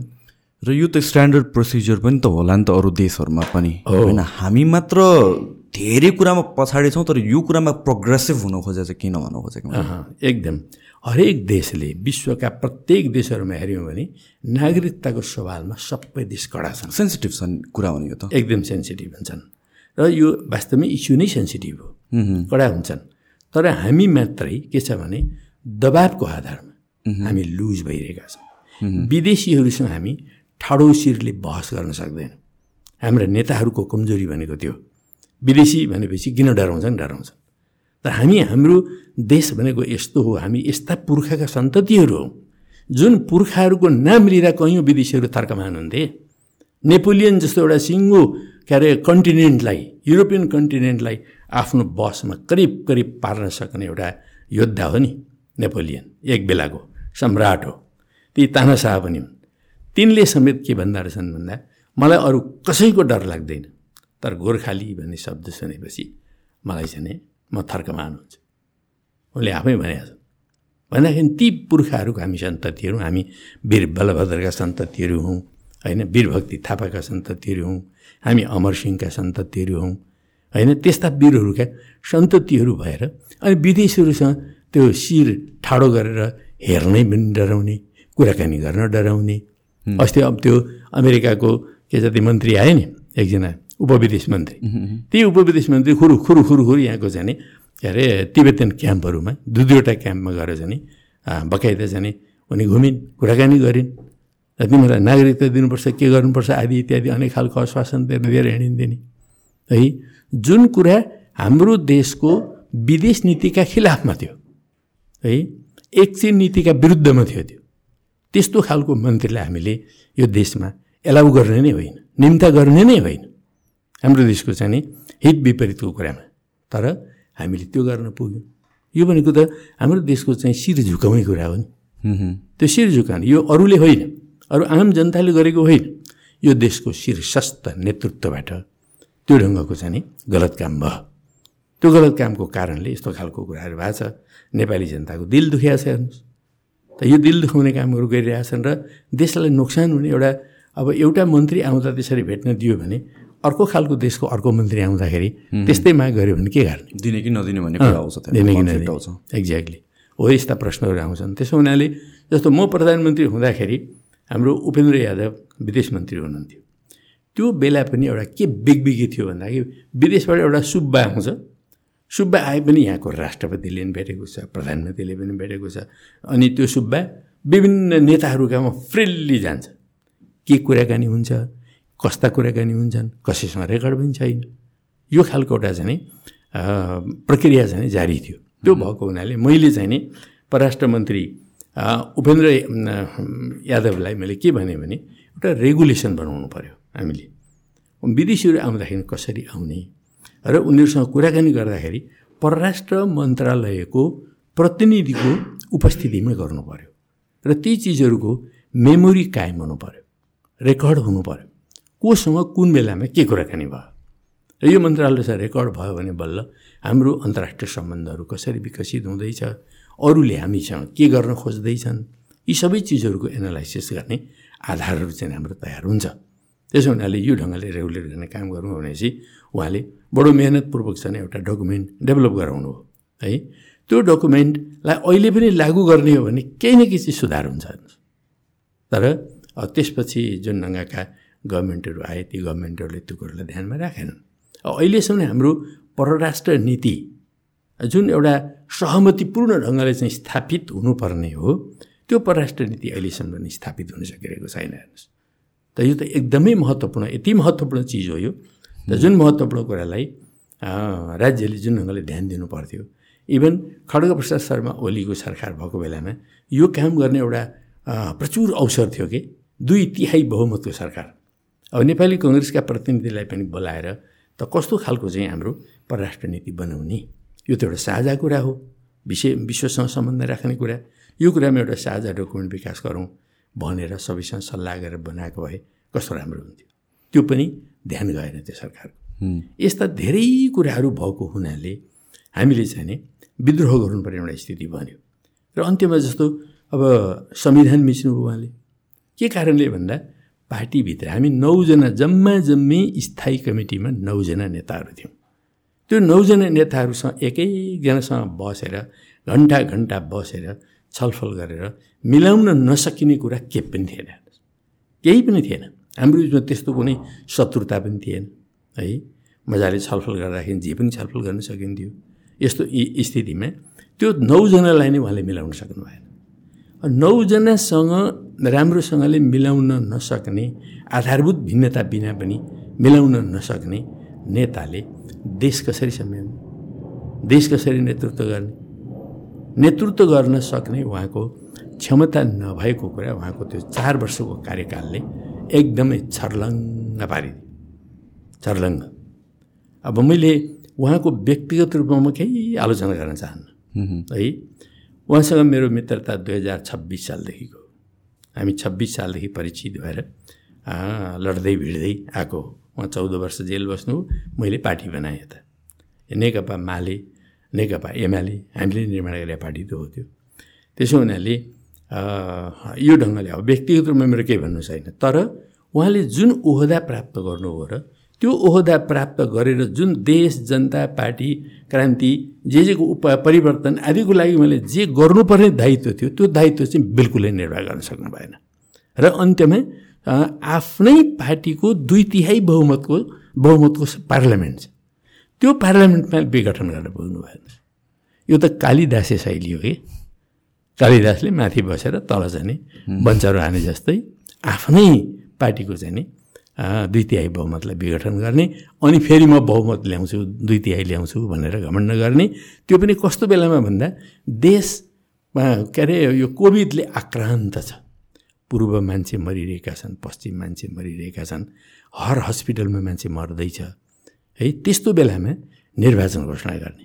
को निर्वाचनमा जान्थ्यो होला त्यति बेला? को लाइनमा लागेर जान्थ्यो होला? मान्छे दुईजना मान्छे पनि एक ठाउँमा नबस है भनेर के अरे सरकारले आह्वान गरिरहेको छ स्वास्थ्य मन्त्रालयले आह्वान गरिरहेको छ त्यस्तो बेलामा निर्वाचनको आह्वान। है अनि निर्वाचनमा जाने जस्तो लोकतान्त्रिक प्रक्रियामा यो गलत हुन्छ भनेर प्रश्न गर्नुहुन्छ उहाँले। लोकतान्त्रिक प्रक्रिया पनि लोकको निम्ति नै होला। लोक मरिरहेको छ। लोक त्यो एउटा महामारीको महामारीले ग्रस्त बनिरहेको छ लोक। अनि त्यसलाई त पहिला त उपचार पो चाहियो त तन्त्र चाहियो होइन नि उसलाई। उपचार तन्त्र चाहिँ पहिला चाहियो थियो लोकतन्त्रभन्दा पनि अगाडि। अनि उसको लागि चाहिँ उहाँले निर्वाचनको कुरा गराइदिनु भयो। त्यस्तो बेलामा त्यो सम्भवै थिएन। र अन्त्यमा अब यो यो ढङ्गले गरेको हुनाले अब हामीले चाहिँ त्यो पार्टीसँग अब त्यहीँ भित्रै बसेर समस्या समाधान गर्न सकिन्छ कि भन्ने पनि सम्भावनालाई हेरियो। एउटा कार्यदल बनाएर के के विषयमा चाहिँ छलफल गर्न सकिन्छ त्यो छलफल पनि भयो। तर यी सबै कुराहरूको निष्कर्ष के भयो भन्दाखेरि भित्र बसेर समस्याको समाधान गर्न सकिन्न भन्ने निष्कर्षमा पुगेपछि अब साथीहरू विद्रोहमा उत्रनु भयो। म त अब त्यति बेला भारतको एपोलोमा उपचारमा थिएँ म। उचारमा भए पनि मैले पनि के निष्कर्षमा पुगेँ भन्दाखेरि अब केपी कमरेडले त्यसरी आफूलाई सम्हालेर आफूलाई सुधारेर पार्टीलाई एकताबद्ध गरेर लानुपर्ने ठाउँमा त्यसो नगरिकन अब एकल काँटे ढङ्गले जाने स्थिति हो भने एकै ढङ्गले बसेर सम्भव हुँदैन। किनभने अब उहाँले जति बेला यो संसद विघटन गर्नुभयो संसद विघटन गरिसकेपछि उहाँले कस्तो भयो भने यो एकीकृत भएको जो पार्टी हो त्यो एकीकृत भएको पार्टीलाई सर्वोच्च अदालतको एउटा मुद्दा मार्फत त्यसलाई चाहिँ नि विघटित गरियो के अरे विभाजित गरियो। नेकपा एमाले र नेकपा माओवादी केन्द्र। यो त तिन वर्ष अगाडि एकीकृत भएका थिए। एकीकृत भएर उनीहरूले यत्रो काम गरिसके देशभरि। अनि तिन वर्षसम्म एकीकृत भएको पार्टीलाई होइन तिमीहरूको एकीकरण गलत हो यस कारण तिमीहरू छुट्टा। भनेर अदालतबाट जुन निर्णय गरियो यो अदालतले त्यति बेला गरेको यो भयानक राजनीतिक निर्णय हो। यो कुनै न्यायिक निर्णय होइन नितान्त अन्यायपूर्ण निर्णय। मान्नु बेग्लै कुरा अदालतले फैसला गरेको कुरालाई। मान्ने हाम्रो बाध्यता हो है? तर यसको सारलाई भनियो भने यो राजनीतिक निर्णय हो। राजनीतिक निर्णय सम्भवतः गराइयो। अब यो निर्णयले दुईवटा पार्टीलाई तिन वर्ष अगाडि मिलेका पार्टीलाई फुटाइयो। त्यो फुटिसकेपछि र नेकपा एमाले अलग भयो भनेपछि त अब नेकपा एमालेको अध्यक्ष त केपी ओली हो। अब केपी ओलीको कर्तव्य के हुन्थ्यो त्यति बेला भन्दा र एकीकृत भइसकेको पार्टी फुटिहाल्यो। अब हामी नेकपा एमालेका चाहिँ एकताबद्ध भएर हामी अगाडि बढौँ। भनेर उहाँले केन्द्रीय कमिटीको बैठक बोलाउनु पर्थ्यो। तर बाइस तेइसतिर पार्टी त्यसरी अदालतले फुटाइदियो। उहाँले अट्ठाइस गतितिर केन्द्रीय कमिटीको बैठक बोलाउनु हो। केन्द्रीय कमिटीको बैठक बोलाउँदाखेरि हामी झन्डै एकाउन्न प्रतिशतलाई थाहा पत्तै नदिकन कुनै सूचना नगरिकन म त्यो पार्टीको वरिष्ठ नेता सेकेन्ड म्यान मलाई समेत जानकारी नदिकन उहाँले बालुवाटारमा जाने गुटको बैठक राख्नु। त त्यो आधाभन्दा पनि कमको केन्द्रीय कमिटीको। अनि त्यो बैठक राखेर त्यसैलाई केन्द्रीय कमिटीको बैठक मानेर अनि अरू झन्डै तेह्र सय पन्ध्र सय कति मान्छेहरूलाई मनोनयन गरेर उहाँले केन्द्रीय कमिटी घोषणा गर्नु। त्यो भनेको पार्टीलाई ठो ठाडै फोरेको कुरा विभाजन गरेको कुरा यसरी उहाँले औपचारिक रूपले विभाजन गर्ने कामहरू समेत गरेर अरूलाई अपमानित गरेपछि अब हामीले अर्को बाटो लिन बाध्य हुनु पऱ्यो हेर्नुहोस्। त्यो जस्तो कि अघि कुरा गर्नुभयो अमेरिकाबाट रिप्रेजेन्टेटिभ आउँदाखेरि जहाँ पनि छिर्न पाउनु नहुने कुरा छ नि त जुन। तर जसरी यो स्टेट पार्टनरसिप प्रोग्राम चाहिँ कहाँबाट आयो यो त झन् रिडिकुलस लाग्यो मलाई जुन रिजनले चाहिँ आउने भने भनिएको छ। यो लजिकलै छ नि त्यसमा त। स्टेट पार्टनरसिप प्रोग्राम भन्ने चिज वास्तवमा जति बेला सोभियत सङ्घ विघटित हो नाइन्टिन नाइन्टीतिर। त्यो विघटित भएपछि त्यति बेला त दुईवटा अति महाशक्ति संसारमा पावरफुल थिए। है अरू शक्तिको त्यति गिन्ती थिएन। तर यो दुईवटा महाशक्तिको बढी गिन्ती थियो। एउटा महाशक्ति विघटित भएपछि त अब अर्को महाशक्ति त के ठान्न थाल्यो भन्दाखेरि आइएम अल इन अल अब मेरो चाहिँ प्रतिद्वन्दी कोही पनि छैन। भन्ने उसलाई चाहिँ लाग्यो र सोभियत सङ्घबाट अलग्ग भएका जो पन्ध्र सोह्रवटा गणतन्त्रहरू थिए ती गणतन्त्रमा एकपछि अर्को पुँजीवादी व्यवस्थाहरू हिजो समाजवादी व्यवस्था थियो त्यहाँ। त्यो समाजवादी व्यवस्था विघटित गर्दै पुँजीवादी व्यवस्थाहरू स्थापना गर्ने कामको एउटा लहर चल्यो त्यहाँ। त्यो लहर चलेपछि ती देशहरूलाई अब अमेरिकाले आफ्नो फोल्डमा खास गरिकन अमे त्यो युरोपमा गठन गरेको जुन नाटो छ नि नर्थ एटलान्टिक ट्रिटी अर्गनाइजेसन हो यो ट्रिटी अर्गनाइजेसनसँग ती गणतन्त्रहरूलाई चाहिँ नि आबद्ध गर्न थालियो। त्यो आबद्ध गर्ने सिलसिलामा उनीहरूले यो एसपिपी भन्ने प्रोग्राम स्टेट पार्टनरसिप प्रोग्राम भनेर यसको अर्कै नाम थियो पहिला एक वर्ष अगाडि। अर्कै नामबाट उनीहरूले यो खालको प्रोग्रामहरू सुरुवात गरे। अमेरिकन स्ट्राटेजीसँग गाँसेर ती देशहरूलाई लाने प्रोग्राम हो यो त त्यो प्रोग्राम अन्तर्गत लगियो र त्यसलाई एक वर्षपछि चाहिँ स्टेट पार्टनरसिप प्रोग्राम भनेर स्थापित गरियो। त्यहाँबाट स्थापित भएको यो प्रोग्राम। अब त्यही प्रोग्रामलाई उसले विस्तार गर्दै गर्दै गर्दै अमेरिका एक मात्र अति महाशक्ति भएको एउटा निश्चित पिरियडमा उसले विभिन्न देशहरूमा यो विस्तार गर्यो यो प्रोग्राम। त यो यसरी विस्तार हुँदै गएको अमेरिकाको चाहिँ विश्व रणनीतिको यो अभिन्न अङ्ग हो। चाहे एमसिसी भनौँ चाहे एसपिपी भनौँ।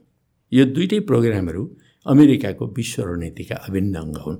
जुन कुरा हामीले अमेरिकाको डिफेन्स मिनिस्ट्रीको चाहिँ वेबसाइटमा हेऱ्यौँ भने पनि क्लियर छ। स्टेट डिपार्टमेन्टको वेबसाइटमा हेऱ्यौँ भने पनि क्लियर छ। उनीहरूले क्लियरली यो कुरालाई भनेका छन्। एमसिसी भनेको पनि हाम्रो इन्डो पेसिफिकको अभिन्न अङ्ग हो। भनेर उनीहरू आफैले बोलेका छन्। हो। है त्यो हामीले आरोप लगाएको होइन अमेरिकालाई। अमेरिकाका मन्त्रीहरूले यहीँ आएर बोले होइन? उनीहरूले नै बोले। उनीहरूको आफ्नै डकुमेन्टले यो कुरा बोल्छ। त्यो उनीहरूको डकुमेन्टले बोलेको हुनाले यो त यस्तो हो है भनेर हामीले नेपाली जनतालाई व्यवहार गरेको चिज मात्रै हो। तर के हुँदो रहेछ भने कहिले कहिले नेपालमा अमेरिकी सिटिजन भन्दा पनि अमेरिकन मान्छेहरू हुँदो रहेछ नि। जसले चाहिँ अमेरि होइन है त्यस्तो होइन भनेर चाहिँ यहाँ प्लिट गरे हेर्नुहोस्। त्यसलाई अनुमोदनसम्म गराइयो।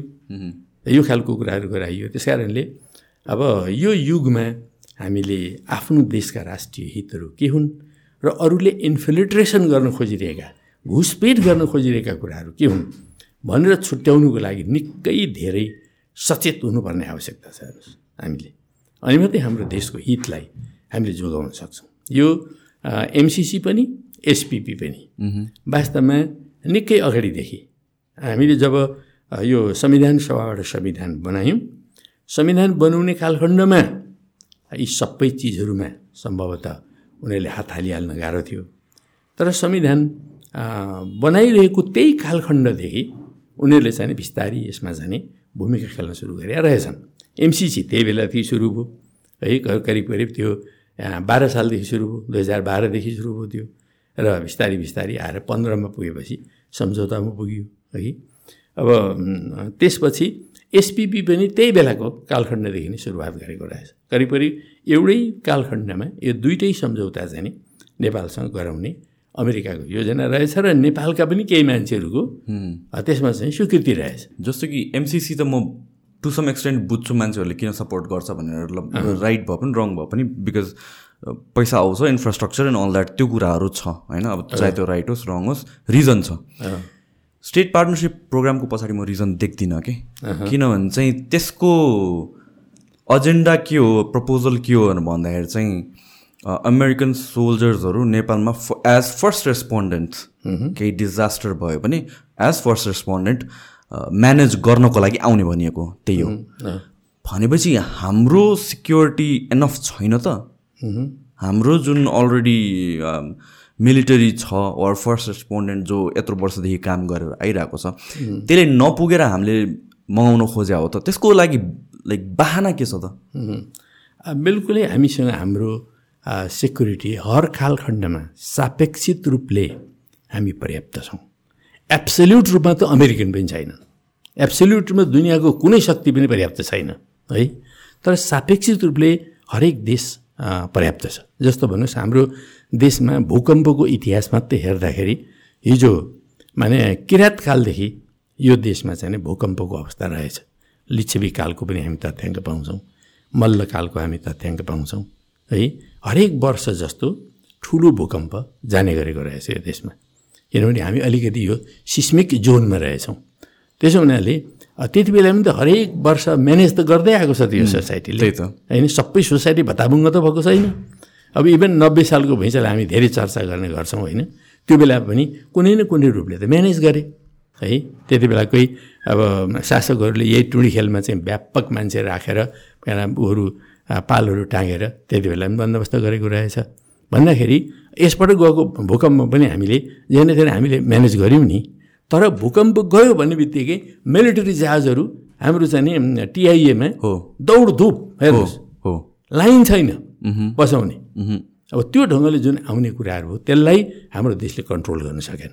कति दिनसम्म त आई थिङ्क इन्डियन इन्डियन सिप्सले त रोकि नै दिएको थियो एयरपोर्ट यस उनीहरूले एकैचोटि आए र अरू आउने पनि पाएनन् उनले चाहिँ पुरै जाम गराइदिए। हो त्यो खालको स्थिति हो। त्यस्तो बेलामा को आउने को नआउने नेपालको आफ्नो अधिकारको कुरा हो नि कसलाई स्वागत गर्ने या नगर्ने भन्ने कुरा। त्यो कुरामा हामी चाहिँ सेक्युरिटीको हिसाबले जतिसुकै अप्ठ्यारो परे पनि हामीले हाम्रो म्यानेजमेन्टलाई कसरी गर्ने कसलाई चाहिँ एलाउ गर्ने कसलाई चाहिँ एलाउ नगर्ने भन्ने कुरामा एउटा चाहिँ जो एउटा म्यानेजमेन्टको ठोस एउटा प्रोसेस हुनु पर्थ्यो त्यो प्रोसेस हाम्रो देशले बनाउन सकेन। त्यसले गर्दाखेरि अलमल भयो एकदम चाहिँ नि एउटा आत्तिने खालको स्थिति बन्यो अनि कोही चाहिँ आएर यहाँ ढुक्क बस्ने खालको स्थिति भयो कसैले एक्सेस नै पाएन। त्यो खालको स्थिति रह्यो। त्यही कारण यस्तो कुराहरू गर्नु हुँदैन यो लापरवाही हो राज्यको।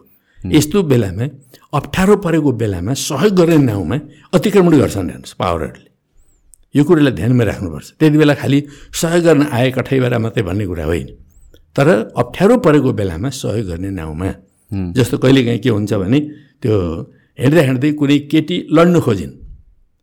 अलि त्यो गलत मनसाय भएको केटाले च्याप समात्छ घर है उसलाई उठाउने मनसाय भन्दा पनि उसलाई छुने मनसाय उसको बढ्ता हुन्छ। हो। यो खालको मनसायलाई हामीले चिन्न सक्नुपर्छ। देशको मामलामा पनि यो कुरा लागु हुन्छ। त्यही कारणले अप्ठ्यारो पऱ्यो भन्ने बित्तिकै हामीले अप्ठ्यारो परेको छ र सहयोग चाहिएको छ भने हामीले आह्वान गर्नु पऱ्यो होइन? आह्वानको आधारमा हाम्रो निम्ताको आधारमा आउनु पऱ्यो जसलाई हामी एक्सेस दिन्छौँ। होइन हामी टाइम टेबल दिन्छौँ होइन ऊ के लिएर आउने हो। त्यो कुराको बारेमा हामी जानकारी राख्छौँ अनि त्यो आधारमा हामी चाहिँ बोलाउँछौँ। यसमा पनि एउटा व्यवस्था हुनुपर्छ।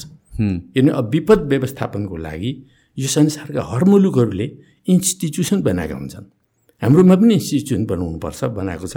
र प्रत्येक अब जिल्ला जिल्लामा पनि हामीले चाहिँ सिडिओ कार्यालयमा पनि विपद व्यवस्थापनको युनिट अहिले बनाएका छौँ होइन।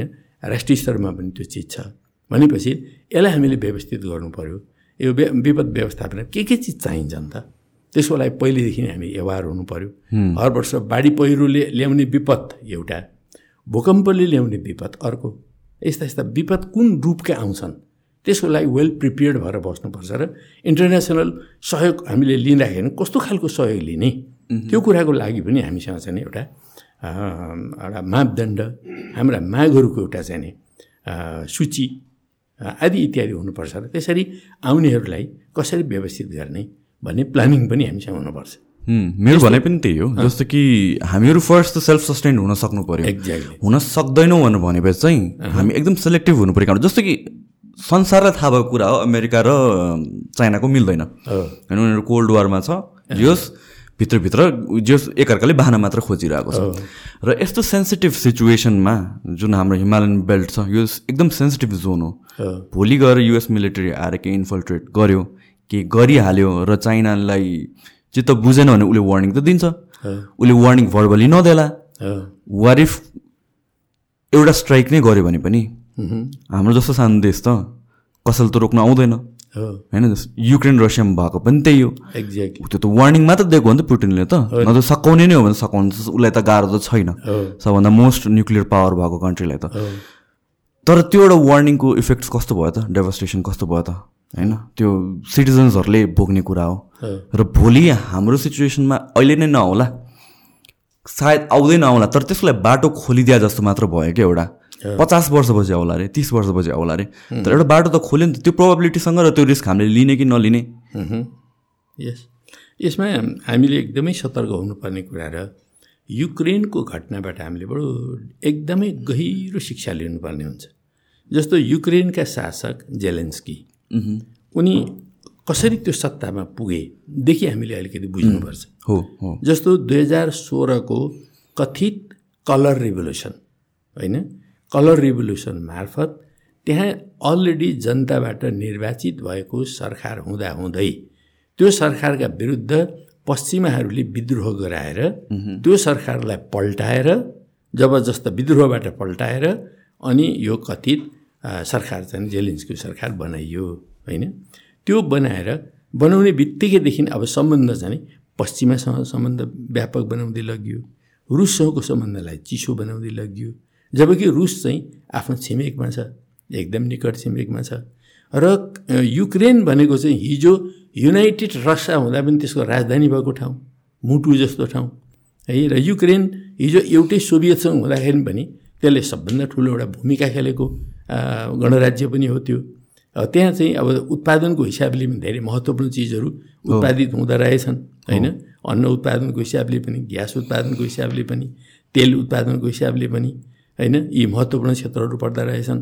भनेपछि त्यस्तो क्षेत्रमा जुन ढङ्गले जेलेन्स्कीले रुससँग चाहिँ सम्बन्धलाई बिगार्दै लगातार बिगार्दै पश्चिमाहरूसँग सम्बन्ध गर्ने र अनि नाटोको सदस्यता म बन्छु बन्छु बन्छु भनेर भन्ने अनि पश्चिमाहरूको चाहिँ मिलिटरी टेक्नोलोजी ल्याउने मिलिटरी एक्सपोर्टहरू ल्याउने त्यहाँको उसलाई चाहिँ त्यो ढङ्गले शिक्षित गर्ने यी गे लेसबिन इत्यादिहरूलाई पनि त्यसको ह्याबिन बनाउने है। युक्रेनलाई त्यसको पनि ह्याबिन बनाइएको रहेछ। जसले गर्दा त्यो कल्चरल्ली पनि उनीहरूको विरोध भयो कि? रुसी क्याथोलिक चर्च र यो खालका गतिविधिहरूको बिचमा नै विरोध रहेछ। हो त्योमा पनि विरोध बढाउने। अनि त्यस पछाडि अर्को चाहिँ नि यो बायोलोजिकल ल्याबहरू है? बनाउने। छ्यालिसवटा त बायोलोजिकल ल्याबहरू छन् त्यो वेपनका ल्याबहरू।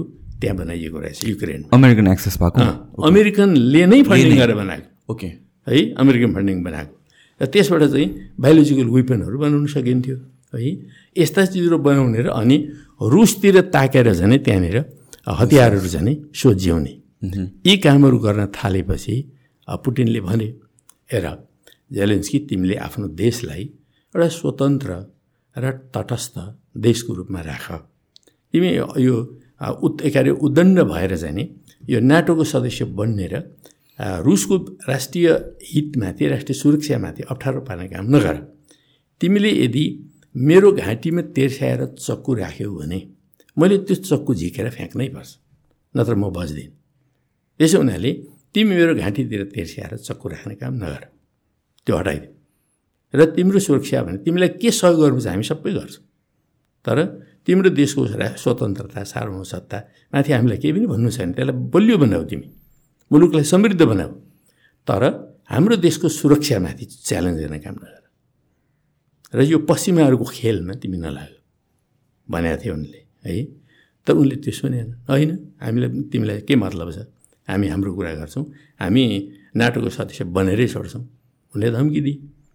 बनेरै छोड्छौँ भनेपछि उनीहरूले त्यसो भए हामीले यो सुरक्षा कुरालाई लिएर हामीले सैनिक कारवाही गर्नुपर्ने हुन्छ भनेर सैनिक कारवाही सुरु गरे हो उनीहरूले है? हामी त्यो देशलाई लिन्छौँ त्यो देश समाप्त पार्छौँ भने पनि होइन। तर हुँदाहुँदै कस्तो हो पश्चिमाहरू आइलागे। पश्चिमाहरू आइलागेर सारा मिसाइलहरू लिएर चाहिँ नि अब प्रतिरोध गर्न थालेपछि अनि युद्ध लम्बिँदै गयो। अब अहिले हेर्नुहोस् त युक्रेन तहस नहस। त्यहाँका त्यत्रा विशाल बिल्डिङहरू तह सबै खरानी बनिएका छन् सहर खरानी बनिएको छ। उद्योग धन्दा खरानी बनिएका छन्। है त्यहाँका कैयौँ हस्पिटलहरू ध्वस्त छन्। अब त्यो कहिले बनाउन सकिन्छ? कसले ल्याएर भएर कसले सहयोग गरेर बनाइदिएला? जेलेस्किङको युक्रेनलाई यो त एउटा सभ्यता एउटा देशको सभ्यता नै खरानी बनाउने काममा जेलेन्स्कीले नेतृत्व गरे हेर्नुहोस्। कुनै पनि देशको शासकले बुद्धि पुर्याएन भने आफ्नै देश विध्वंसमा परिणत हुँदो रहेछ। र कुनै पनि अब हाम्रै पनि त दुईवटा छिमेकी शक्तिशाली छन् नि। हामीले अनावश्यक रूपले न्यु किन खोज्नु पऱ्यो उनीहरूसँग। उनीहरूसँग सकेसम्म हामीले मिलेर जाने तर राष्ट्रिय हितलाई सर्वोपरि राखेर।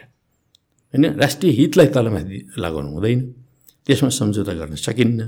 त्यसमा दृढतापूर्वक उभिँदै हामीले मैत्रीपूर्वक समस्याहरू समाधान गर्नको लागि दृढतापूर्वक शिर ठाडो गरेर किन हिँड्ने हामीले एकातिर मैत्रीको हात अर्कोतिर राष्ट्रिय हितको हात। यो दुईवटा कुरा हामीले एकैसाथ अगाडि बढाउन सक्नुपर्छ। जेलेन्सीले त्यही काम गर्न सकेन। राष्ट्रिय हित त तिलाञ्जली नै दिए उनले। र चाहिँ नि अब पश्चिमाहरूको हितको निम्ति उनले चाहिँ आफ्नो देशलाई उभ्याउनु खोजे। अनि त्यसले गर्दा उनले ताजन खाए हेर्नुहोस् त्यसबाट हामीले बडो ठुलो शिक्षा लिनुपर्छ। र नेपालले सन्तुलित परराष्ट्र नीति यसैले हाम्रो परराष्ट्र नीतिका सातवटा अत्यन्त महत्त्वपूर्ण आधारहरू छन्। जुन सातवटा आधारहरूलाई हामीले खास गरिकन पहिला पहिलाका संविधानहरूमा यी कुराहरू थिएनन् है सत्तालिसको संविधान बनाउँदाखेरि हामीले नै हो त्यसमा राज्यका निर्देशक सिद्धान्तहरू भनेर केही कुराहरू राख्यौँ। र अहिले यो बैसठी त्रिसठी पछाडि जुन हामीले संविधान बनायो बहत्तरमा जुन संविधान हामीले घोषणा गऱ्यौँ नेपालको संविधान यो नेपालको संविधानमा चाहिँ राज्यका निर्देशक सिद्धान्तहरू भन्ने बडो श्रृङ्खलाबद्ध ढङ्गले हामीले राखेका छौँ। यो संविधानको भाग चार एउटा महत्त्वपूर्ण अङ्ग हो यो संविधानको। त्यो भाग चारमा हामीले क खदेखि क ख ग घ भन्दै डसम्म हामीले चाहिँ नि त्यो सिद्धान्तको श्रृङ्खला राखेका छौँ। तीमध्ये त्यो ड नम्बरमा हामीले हाम्रो देशका विदेश नीतिहरू के हुन्छन् भन्ने बारेमा लेखेका छौँ। है त्यो विदेश नीतिमध्ये हामीले पाँचवटा कुरालाई त संविधानमै उल्लेख गरेका छौँ। पाँचवटा कुरा। सबभन्दा पहिलो कुरा के हो भन्दाखेरि हामीले संयुक्त राष्ट्रसङ्घका बडापत्रका सिद्धान्तहरूलाई हामी मान्दछौँ। एकमा त्यसो भन्नुको तात्पर्य के हो भने संसारमा कोही ठुला देश छन् कोही साना देश छन् कोही कमजोर देश छन् कोही बलिया देश छन् कोही अगुवा देश छन् कोही अलिक पछुवा देश छन्। तर कोही ठुला देश छन् कोही साना देश छन्। तर जस्तोसुकै आकार प्रकारका देशहरू भए पनि वास्तवमा उनीहरू सबैको सार्वभौम सत्ता समान छ। देशहरू समान। यो बडापत्रको सिद्धान्त। त्यसलाई हामी मान्छौँ। यो पहिलो कुरा भन्न खोजेको। दोस्रो कुरा हामी पञ्चशीलका पाँच सिद्धान्त मान्छौँ। होइन? यसको व्याख्याको जरुरत छैन। पाँच सिद्धान्त भनेको एकअर्कालाई सम्मान गर्ने एकअर्का आन्तरिक मामलामा हस्तक्षेप नगर्ने आदि इत्यादि सिद्धान्तहरू जो बुद्धकालदेखि विकसित भइआएका पञ्चशील हुन्। ती पञ्चशीललाई आधुनिक रूपमा बाङडुङ सम्मेलन जो भयो एसिया अफ्रिका मुलुकहरूको यो इन्डोनेसियामा त्यो बाङडुङ सम्मेलनदेखि पञ्चशीलका सिद्धान्तहरू वास्तवमा अन्तर्राष्ट्रिय सम्बन्धका आधारभूत सिद्धान्त भनेर मानिए। हाम्रो देशले यो यो सिद्धान्तलाई पनि हाम्रो परराष्ट्र नीतिको दोस्रो आधार मानेको छ। तेस्रो आधार भनेको हामी चाहिँ असंलग्नताको सिद्धान्तलाई मान्छौँ।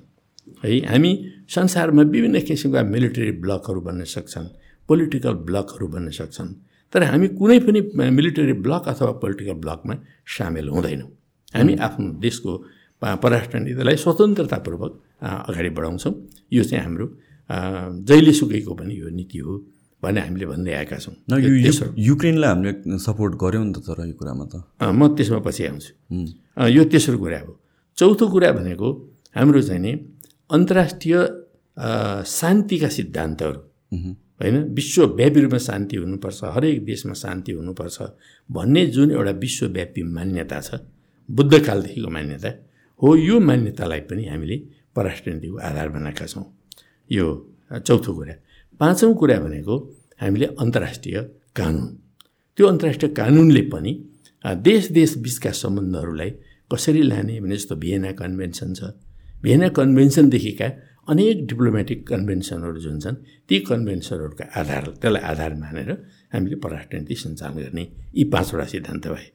त्यसबाहेक दुईवटा सिद्धान्तहरू हामीले हाम्रो देशको प्र्याक्टिसको कारणले हाम्रो देशको रियालिटीको कारणले हाम्रो देशको एउटा भू राजनीतिको कारणले हामीले दुईवटा सिद्धान्त विकसित गरेर ल्याएका छौँ। व्यावहारिक रूपमा। त्यो भनेको के हो भन्दाखेरि एउटा एक चिन नीति है? हाम्रो देशको विदेश नीतिलाई सञ्चालन गर्ने सन्दर्भमा चिन एउटा छिमेकी देश हो तर चिनलाई विभिन्न ढङ्गले चाहिँ नि अन्तर्राष्ट्रिय कतिपय पावरहरूले आफ्नै एङ्गलबाट हेरिरहेका छन्। त्यसो हुँदा उनीहरूले जे एङ्गलबाट हेरुन् तर हामी एक चिन नीति मान्छौँ। है चाहे त्यो ताइवान होस् चाहे त्यो हङकङ होस् चाहे तिब्बत होस् यी सबै चिनका अभिन्न अङ्ग हुन् भन्ने मान्यतालाई हामी मान्छौँ। एउटा यो। दोस्रो हामीले के मान्छौँ भन्दाखेरि हाम्रो देशको जुन भूभाग छ यो भूभागलाई हामी हाम्रा मित्र राष्ट्रहरू छिमेकी लगायतका मित्र राष्ट्रहरूका विरुद्ध कहिल्यै पनि प्रयोग गर्न दिन्नौँ। यो मान्यता। यी दुईवटा मान्यताहरू र यी पाँचवटा सिद्धान्तहरू हाम्रो परराष्ट्र नीतिका मार्गदर्शक आधारहरू यो चिजलाई कुनै पनि सरकारले मान्नै पर्छ।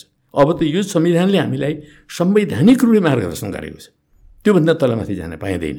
तर अहिले भर्खरै तपाईँले जुन प्रश्न उठाउँदै हुनुहुन्थ्यो त्यो मामलामा यो गठबन्धनको सरकार नै चुक्यो। योभन्दा अगाडि खड्गप्रसाद शर्मा ओलीको सरकारले पनि यी सात सिद्धान्तलाई दृढतापूर्वक पालन गरेन है? र अब अहिलेको अवस्थामा जुन यो गठबन्धनको सरकार छ त्यो गठबन्धन सरकार बनेपछि भएका केही असन्तुलनलाई मैले उल्लेख गर्नु पर्यो भने जस्तो नम्बर एकमा यो सरकार बनेपछि हामीले जो राजदूतहरू नियुक्त गऱ्यौँ त्यो राजदूत नियुक्त गर्ने कुरामै पहिलो पटक हामीले असन्तुलन गऱ्यौँ। त्यो कसरी भन्दाखेरि हामीले अमेरिकाको राजदूत अनि युनाइटेड किङडमको राजदूत र इन्डियाको राजदूत यो सरकारले तुरुन्त तुरुन्तै बनाइदिइहाल्यो है? तर इन्डियाको राजदूत नियुक्त गरेपछि चिनको राजदूत पनि नियुक्त गर्नु पर्थ्यो यो दुईवटा देशलाई सन्तुलनमा मिलाउने कुरा हाम्रो परराष्ट्र नीतिको निम्ति प्र्याक्टिकल्ली एकदमै महत्त्वपूर्ण कुरा हो आधारभूत महत्त्वको कुरा। एउटा देश र अर्को देशलाई एउटालाई चाहिँ हामीले अहिले निकट च्याप्नु खोज्यौँ अर्कोलाई चाहिँ टाढा बनाउन खोज्यौँ भन्ने फिलिङ मात्रै भयो भने पनि चिसोपन सिर्जना हुन थाल्छ। यो चिसोपन सिर्जना हुन दिनु हुँदैन। यो चाहिँ यो हाम्रो देशको दूरदर्शितापूर्ण एउटा नीति हो। त्यो कुरा पालन यो सरकारले गरेन। त अहिले भर्खर भर्खर अहिले मात्रै पनि सम्भवतः आजतिर या भोलितिर चिनको राजदूत बल्ल पुग्दैछन्। है बल्ल पुग्दैछ यत्रो लामो समय यो सरकार बिदा हुने बेला भइसक्यो। अब यो निर्वाचनपछि त बिदा हुन्छ यो सरकार। त त्यो बेलामा आएर बल्ल हुँदैछ एउटा असन्तुलन। यो यो अघि भनेका सात सिद्धान्तको पालना भएन यसमा। दोस्रो कुरा जब युक्रेनमा सङ्घर्ष सुरु भयो होइन त्यो सङ्घर्ष सुरु भइसकेपछि हतार हतारमा हाम्रो परराष्ट्र मन्त्रालयबाट चाहिँ नि वक्तव्य निस्को विरोधमा रुसको विरोधमा यो आक्रमण हो आदि इत्यादि हामी यसको भत्सना गर्छौँ विरोध गर्छौँ भनेर निस्क्यो। अब के कारणले त्यो सैनिक कारवाही सुरु भएको हो? यसमा पश्चिमाहरूको भूमिका के? रुसको भूमिका के? आदिको बारेमा विश्लेषण नै नगरिकन हतार हतारमा त्यो खालको वक्तव्य आयो। जबकि चाइनाले त्यो वक्तव्य दिएको छैन इन्डियाले वक्तव्य दिएको छैन धेरैजसो विश्वका मुलुकहरूले दिएका छैनन्। खालि पश्चिमा मुलुकहरूले अमेरिका लगायत युरोपियन मुलुकहरूले त्यो गरिरहेका छन्। युरोपको पनि सबैले भने बोलेका छैनन्। है त्यो कुरोलाई ध्यानमा राखिकन हामीले कसरी बोल्ने भन्ने बारेमा एउटा सन्तुलित नीति सक्नु लिन सक्नु पर्थ्यो। हतार हतारमा अमेरिकाले जे बोल्यो त्यो अमेरिकाले बोलेको भाषामा भाषा मिलाउने खालको कुरा भयो र देश चाहिँ यो नेपाल चाहिँ पश्चिम परस्त भएछ भन्ने खालको सङ्केत दिन खोजियो। यो आफैमा एउटा असंलग्न परराष्ट्र नीतिको विपरीतको कुरा नीति भयो त्यस्तै अब तेस्रो कुरा के भइदियो भन्दाखेरि अब अमेरिकाले त्यो युक्रेनमा भएको कारवाहीको भर्सना गर्ने प्रस्ताव ल्यायो यहाँ संयुक्त राष्ट्रसङ्घमा त्यो भर्सना गर्ने प्रस्तावमा हतार हतार फेरि नेपालले चाहिँ त्यो प्रस्तावलाई सपोर्ट गर्न पुगेर रुसलाई निन्दा गर्न पुग्यो। है यो अर्को असन्तुलन। यो चाहिँ अब अमेरिकाको लाइनमा पुरै चाहिँ नि त्यो पिछुवाबाट लागेको जस्तो देखियो। नेपालको जुन असंलग्नता हो आफ्नो आफ्नै जुन एउटा व्यक्तित्व हो त्यो व्यक्तित्व त्यहाँ देखिन पाएन। है अर्को असन्तुलन भयो। अनि चौथो कुरा कस्तो भयो भन्दाखेरि त्यो त असन्तुलन भयो त्यस पछाडि अमेरिकाले अर्को प्रस्ताव ल्यायो। अब रुसलाई चाहिँ यो संयुक्त राष्ट्रसङ्घको अन्तर्गतको चाहिँ मानव अधिकार काउन्सिल छ। यो मानव अधिकार काउन्सिलबाट यसलाई निष्कासित गरिदिउँ। भनेर प्रस्ताव ल्यायो अमेरिकाले। त्यो अमेरिकाले त्यो प्रस्ताव ल्याएपछि चाहिँ अनि नेपालको परराष्ट्र मन्त्रालय रन्थनियो के गर्ने बुझेन उसले। अनि त्यसपछि बल्ल तटस्थ बस्नु। यो अगाडिका कुरामा खुरुखुरु गएर बिगाऱ्यो अनि त्यसपछि तटस्थ बस्न बाध्य भयो। यो असन्तुलन। यो भनेको हामीले ती सात सिद्धान्तलाई पालन गर्न नजानेको नसकेको। होइन अब जानी जानी नजानी जे होस् तर नसकेको कुरा अवश्य नै हो। अनि त्यस पछाडि अर्को आयो अब यो एमसिसीको कुरा। यिनै डोनाल्ड लु अहिले नेपालमा घुमिरहेछन् त्यहाँ ती ती मान्छेले एमसिसीको मुद्दा यहाँ आइसकेपछि व्यापक रूपले दबाब दिने काम गरे। होइन? त्यति बेला के अरे हाम्रो प्रधानमन्त्रीलाई फोन गरे र उनलाई पनि धम्क्याए। अनि त्यस पछाडि केपी शर्मा ओलीलाई फोन गरे त्यहाँ पनि धम्क्याए। र प्रचण्डलाई फोन गरे यी तिनटै नेतालाई धम्क्याए उनले। के भनेर धम्क्याए भन्दा यो कुनै हालतले पास हुनुपर्छ। यदि पास भएन भने यसलाई अमेरिकाले गम्भीर रूपले लिनेछ र अमेरिकाले नेपालसँगको सम्बन्धलाई पुनर्विचार गर्नेछ र तपाईँहरूले यसरी नै यसको अनुमोदन गर्नुभयो भने यसका पछाडि चिन छ भन्ने कुरा पनि हामी बुझ्नेछौँ। यो त पब्लिक स्टेटमेन्ट नै दिएको हो पब्लिक स्टेटमेन्ट। यसरी चाहिँ उनले धम्क्याए। एउटा शक्तिशाली राष्ट्रले यो भाषामा गएर नेपाल जस्तो एउटा चाहिँ नि मुलुकलाई चाहिँ जुन ढङ्गले धम्की दिने काम भयो प्रभुत्ववाद भनेकै यही यो हैकमवाद भनेकै यही यो हैकमवादको प्रतिवाद प्रतिवाद हाम्रो सरकारले गर्न सकेन। र उल्टे त्यसमा त्यही धम्कीमाथि चाहिँ अझ बढी मात्रामा पग्लिँदै अनि अन्त्यमा गएर यो के अरे अनुमोदन गर्ने काम भयो। अर्को असन्तुलन भनेको। त्यस पछाडि यो त भयो भयो। अब एकपछि अर्को त्यो अनुमोदन भइसकेपछि अमेरिकाको चाहिँ अब आवत जावत चाहिँ बाक्लिँदै गयो त्यो बाक्लिने क्रममा अरू केही छैन। अरू आवत जावत जति बाक्ले पनि राम्रै हुन्छ। अमेरिकाको थुप्रै ट्वेन्टी पर्सेन्ट जनसङ्ख्या नेपालमा आए पनि हामी त स्वागत गर्छौँ हेर्नुहोस्। होइन? स्वागत गर्छौँ। आउन् बसुन् घुमुन्। हामीलाई अमेरिकनहरू आएकोमा केही पनि आपत्ति छैन।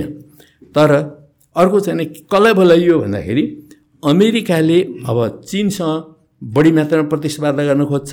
होइन? चिनका विरुद्ध ऊ अनेक ढङ्गले लागेको छ। र चिनका विरुद्ध उसले चाहिँ नि अब थुप्रै मान्छेहरूलाई अब तिन सयभन्दा बढी त उसले ऐन कानुन के पास गर्दो रहेछ त्यो के अरे अमेरिकाको रा के अरे राष्ट्रपतिले चाहिँ त्यो इस्तिहार जारी गर्दो रहेछ। त्यो गरेर चाहिँ चिनका विभिन्न व्यक्ति संस्था आदिलाई उसले चाहिँ त्यो एक किसिमको चाहिँ ननग्राटा पर्सन ननग्राटा जस्तो बनाउँदो रहेछ। उनीहरूमाथि चाहिँ कारवाही गर्ने आदि गर्ने गर्दो रहेछ। त्यति मात्र होइन। उसले चाहिँ नि अब तिब्बत कानुन ताइवान कानुन हङकङ कानुन उइगुर कानुन चिनका प्रान्तहरूको बारेमा अमेरिकाले कानुन बनाउने। कस्तो अनौठो कुरो अब हाम्रो चाहिँ कर्णाली कानुन बनाइदियो भने के गर्ने?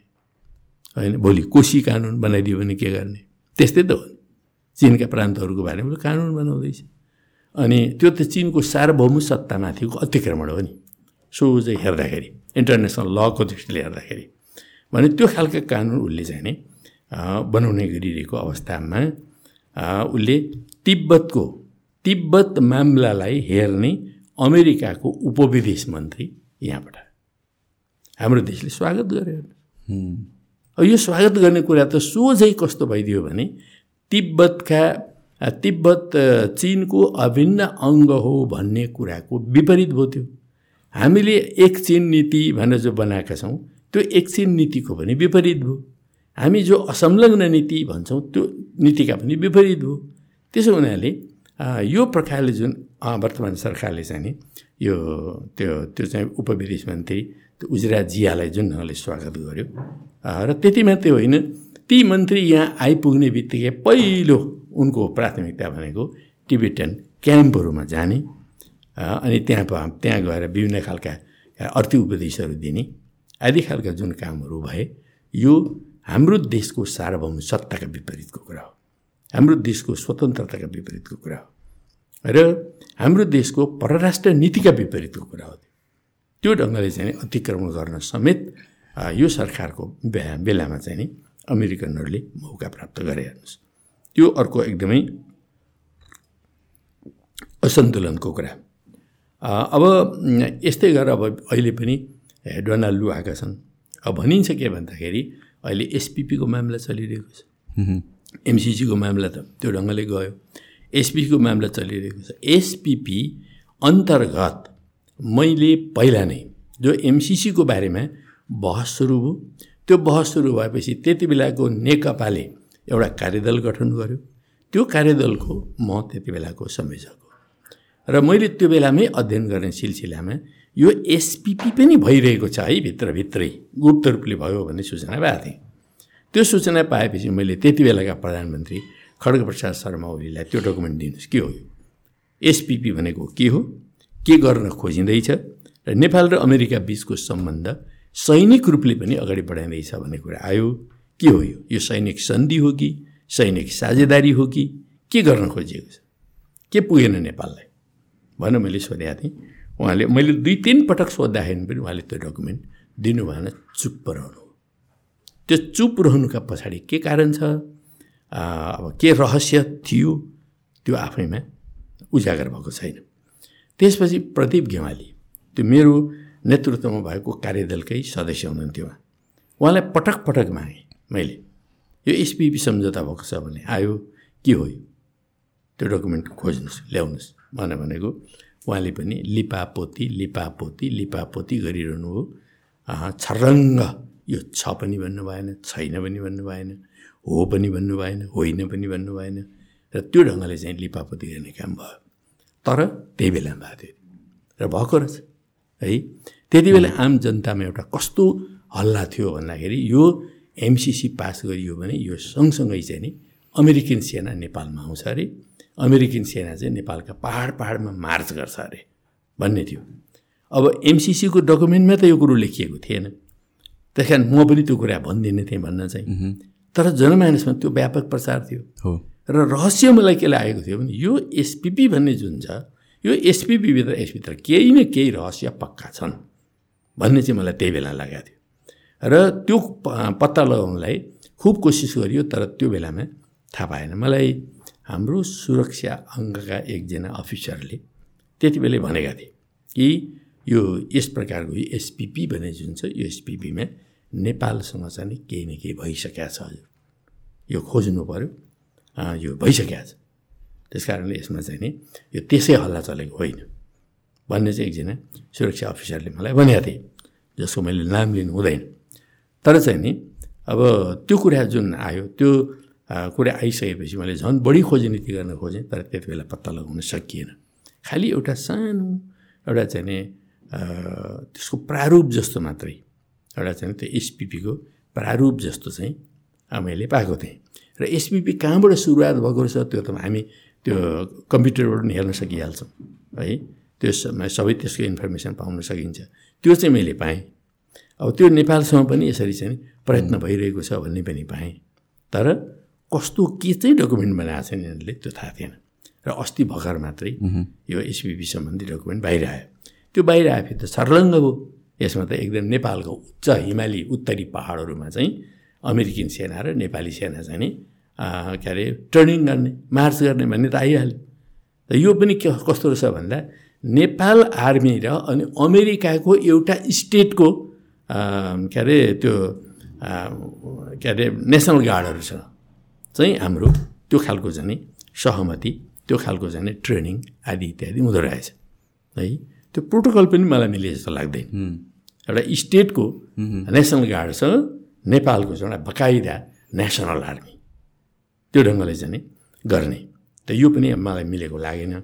र त्यसमाथि अब त्यो सैनिक साझेदारी गर्ने कुरो त हाम्रो देशको आधारभूत नीति आधारभूत परराष्ट्र नीतिभन्दा विपरीत कुरा हो त्यो। त्यो कारणले यो नितान्त त्यो गलत हुन्छ भन्ने कुरा मैले आफ्नो पार्टीभित्र त राखेँ त्यति बेला पनि। अरू साथीभाइहरूभित्र पनि राखेँ। तर बल्ल अहिले आएर त एक्सपोज हो। यो एक्सपोज भइसकेपछि अब त्यति बेला खड्गप्रसाद शर्मा ओली भएको बेलामै यो त्यति बेलाका प्रधान सेनापति राजेन्द्र छेत्रीले पत्र लेखेको। त्यति मात्र होइन त्यस पछाडि कमेड प्रचण्ड प्रधानमन्त्री भएको बेलामा पनि फेरि तिनै राजेन्द्र छेत्रीले पत्र लेखेको। त्यसपछि फेरि शेरबहादुर देउबा प्रधानमन्त्री भएको बेलामा पनि तिनै राजेन्द्र छेत्रीले पत्र लेखेको भनेर अहिले चाहिँ नि बाहिर व्यापक रूपले आएको छ। त्यसो हुनाले यी तिनटै प्रधानमन्त्रीलाई सोद्धै नसोधिकन राजेन्द्र छेत्रीले एक्लै पक्का पनि पत्र लेखेनन्। त्यस्तो साहस गर्ने कुरा होइन यो। नेपालको मिलिटरीप्रति मलाई अहिले पनि विश्वास छ यो मिलिटरी आफै आफ अलग ढङ्गले चल्ने मिलिटरी होइन।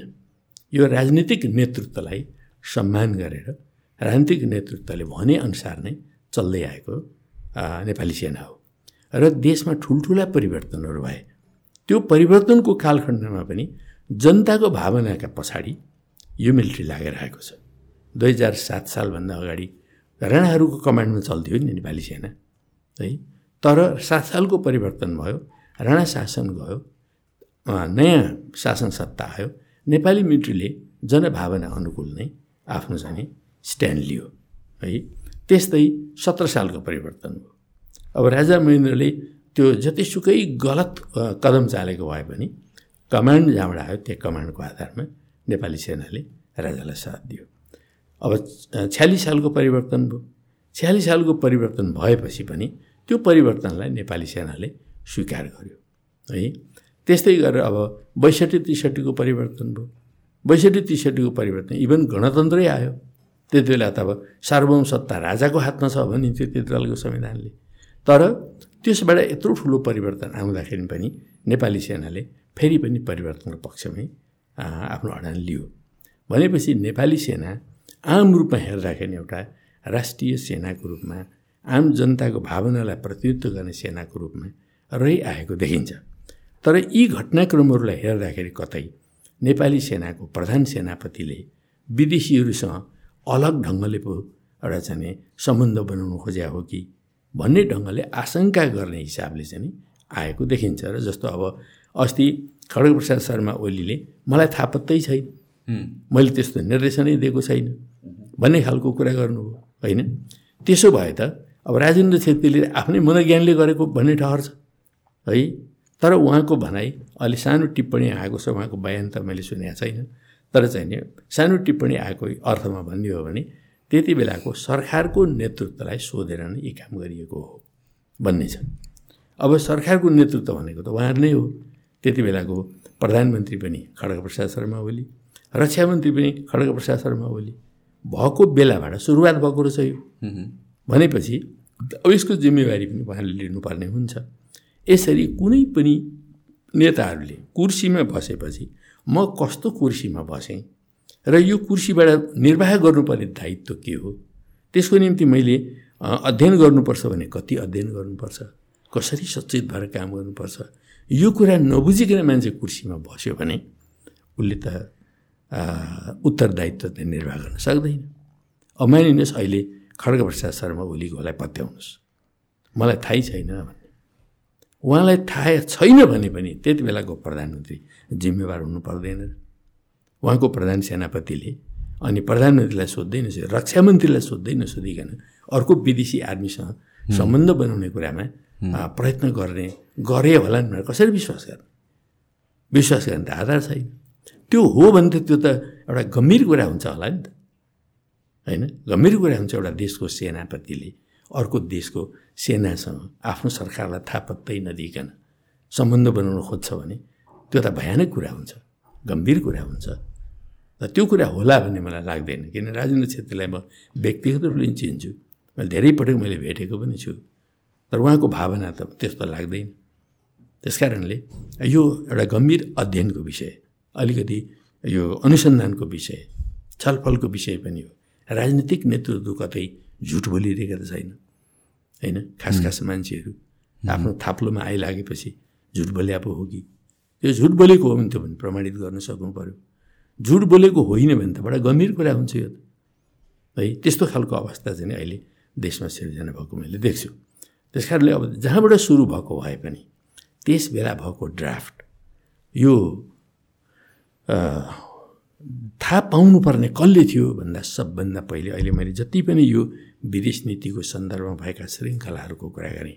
एमसिसी एसपिपी लगायत जति पनि विदेशसँग सम्झौताहरू हुन्छन् ती सबै कुराहरूको निम्ति सबभन्दा जानकार को हुनुपर्छ परराष्ट्र मन्त्रालय। तर एमसिसीको बेलामा जो कार्यदल गठन भयो त्यस बेला मैले परराष्ट्र मन्त्रालयका अधिकारीहरू सोध्छु कसैलाई पनि थाहा छैन। परराष्ट्र मन्त्रालय बिल्कुलै गुमराह राखेर गरिएको सम्झौता रहेछ।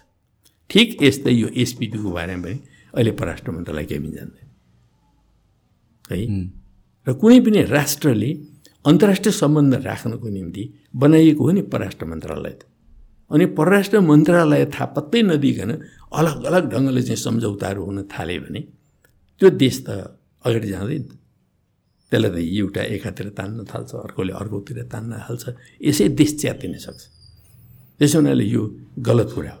र परराष्ट्र मन्त्रालयलाई नै परराष्ट्र मन्त्रालय वास्तवमा अन्तर्राष्ट्रिय सम्बन्ध सम्पर्कहरूको अध्ययन गर्ने एउटा थिङ्क ट्याङ्क पनि हो र त्यो एउटा सबभन्दा अगुवा संस्था पनि हो। जुन मार्फत हामीले यी सम्बन्धहरू कायम गर्नुपर्छ।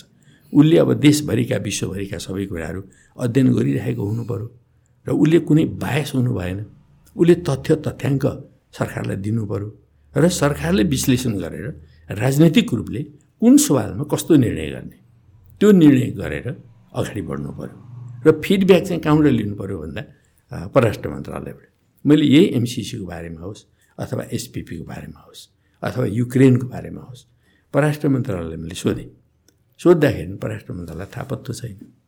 र उनीहरूले कतिपय बेलामा जस्तो युक्रेनको सवालमा चाहिँ उनीहरूले सुझाव अलि भिन्न ढङ्गले दिएका रहेछ होइन? हामी अलि सन्तुलित भएर जानु पऱ्यो हाम्रो त परराष्ट्र नीति यस्तो छ। हामी असंलग्न छौँ भन्ने ढङ्गले उनीहरूले सुझाव पनि दिएका रहेछन्। तर सरकारको नेतृत्व गर्नेहरू त्यसरी गएन आफ्नो सेन्टिमेन्टको आधारमा गए। आफ्नो एउटा झुकावको आधारमा गए। तर आफ्नो व्यक्तिगत झुकावको आधारमा राष्ट्रलाई झुकाउने होइन कि? राष्ट्रलाई आफ्नो अलग झुकाव छ भने पनि स्थापित नीति छ त्यो स्थापित नीतिको आधारमा कुनै पनि मन्त्रीले चल्नुपर्ने हुन्छ। इभन प्रधानमन्त्रीले काम गर्दाखेरि राष्ट्रका स्थापित नीतिहरू कति छन् त्यसलाई ध्यान दिनु पऱ्यो स्थापित नीतिमै एकदम सीमित भएर जानुपर्छ भन्ने होइन। उसले नयाँ नीति ल्याउनु छ भने यी स्थापित नीतिहरूलाई पुनरावलोकन गर्नु पऱ्यो होइन पुनर्विचार गर्नु पऱ्यो यसमा डिफेक्ट छ भने यो डिफेक्ट छ। त्यस कारण योभन्दा इनोभेटिभ ढङ्गले जाउँ नयाँ ढङ्गले जाउँ। हाम्रो डिप्लोमेसीमा यी चिजहरू चाहिँ हामीले थप गरेर जाउँ। अथवा यो कुरालाई हामीले प्राथमिकता दिएर जाउँ। यी देशहरूको सम्बन्धलाई हामीले चाहिँ बढ्ता प्राथमिकता दिउँ। ताकि हाम्रो देशलाई one two three four five फाइदा हुन्छ। त्यो फाइदा देखाएर भन्नु पऱ्यो नि। त्यति मेरो व्यक्तिगत इच्छाको आधारमा तलबा माथि पार्न सक्नु हुँदैन पार्नु हुँदैन। तब मात्रै राष्ट्रको हित हुनसक्छ राष्ट्रको हित गर्ने ग्यारेन्टीको निम्ति हामीले जान सक्नु पऱ्यो कुनै पनि देशको देशको जिम्मा देशको नेतृत्वको जिम्मा लिइसकेपछि यी चिजहरूमा राम्ररी चिन्तन मनन गर्न सकिँदैन बुझ्न सकिँदैन अध्ययन गर्न सकिँदैन र त्यसलाई एउटा डिरेक्सन दिन सकिँदैन भने अगाडि बढ्न सकिन्न। जस्तो म प्रधानमन्त्री हुँदाखेरि अब भारतका त्यति बेलाका राजदूतले के प्रस्ताव लिएर आयो भने त्यति बेला नेपालको यो दक्षिणतिरको सिमानाको स्ट्रिप म्याप बनाइदिएर रहेछ।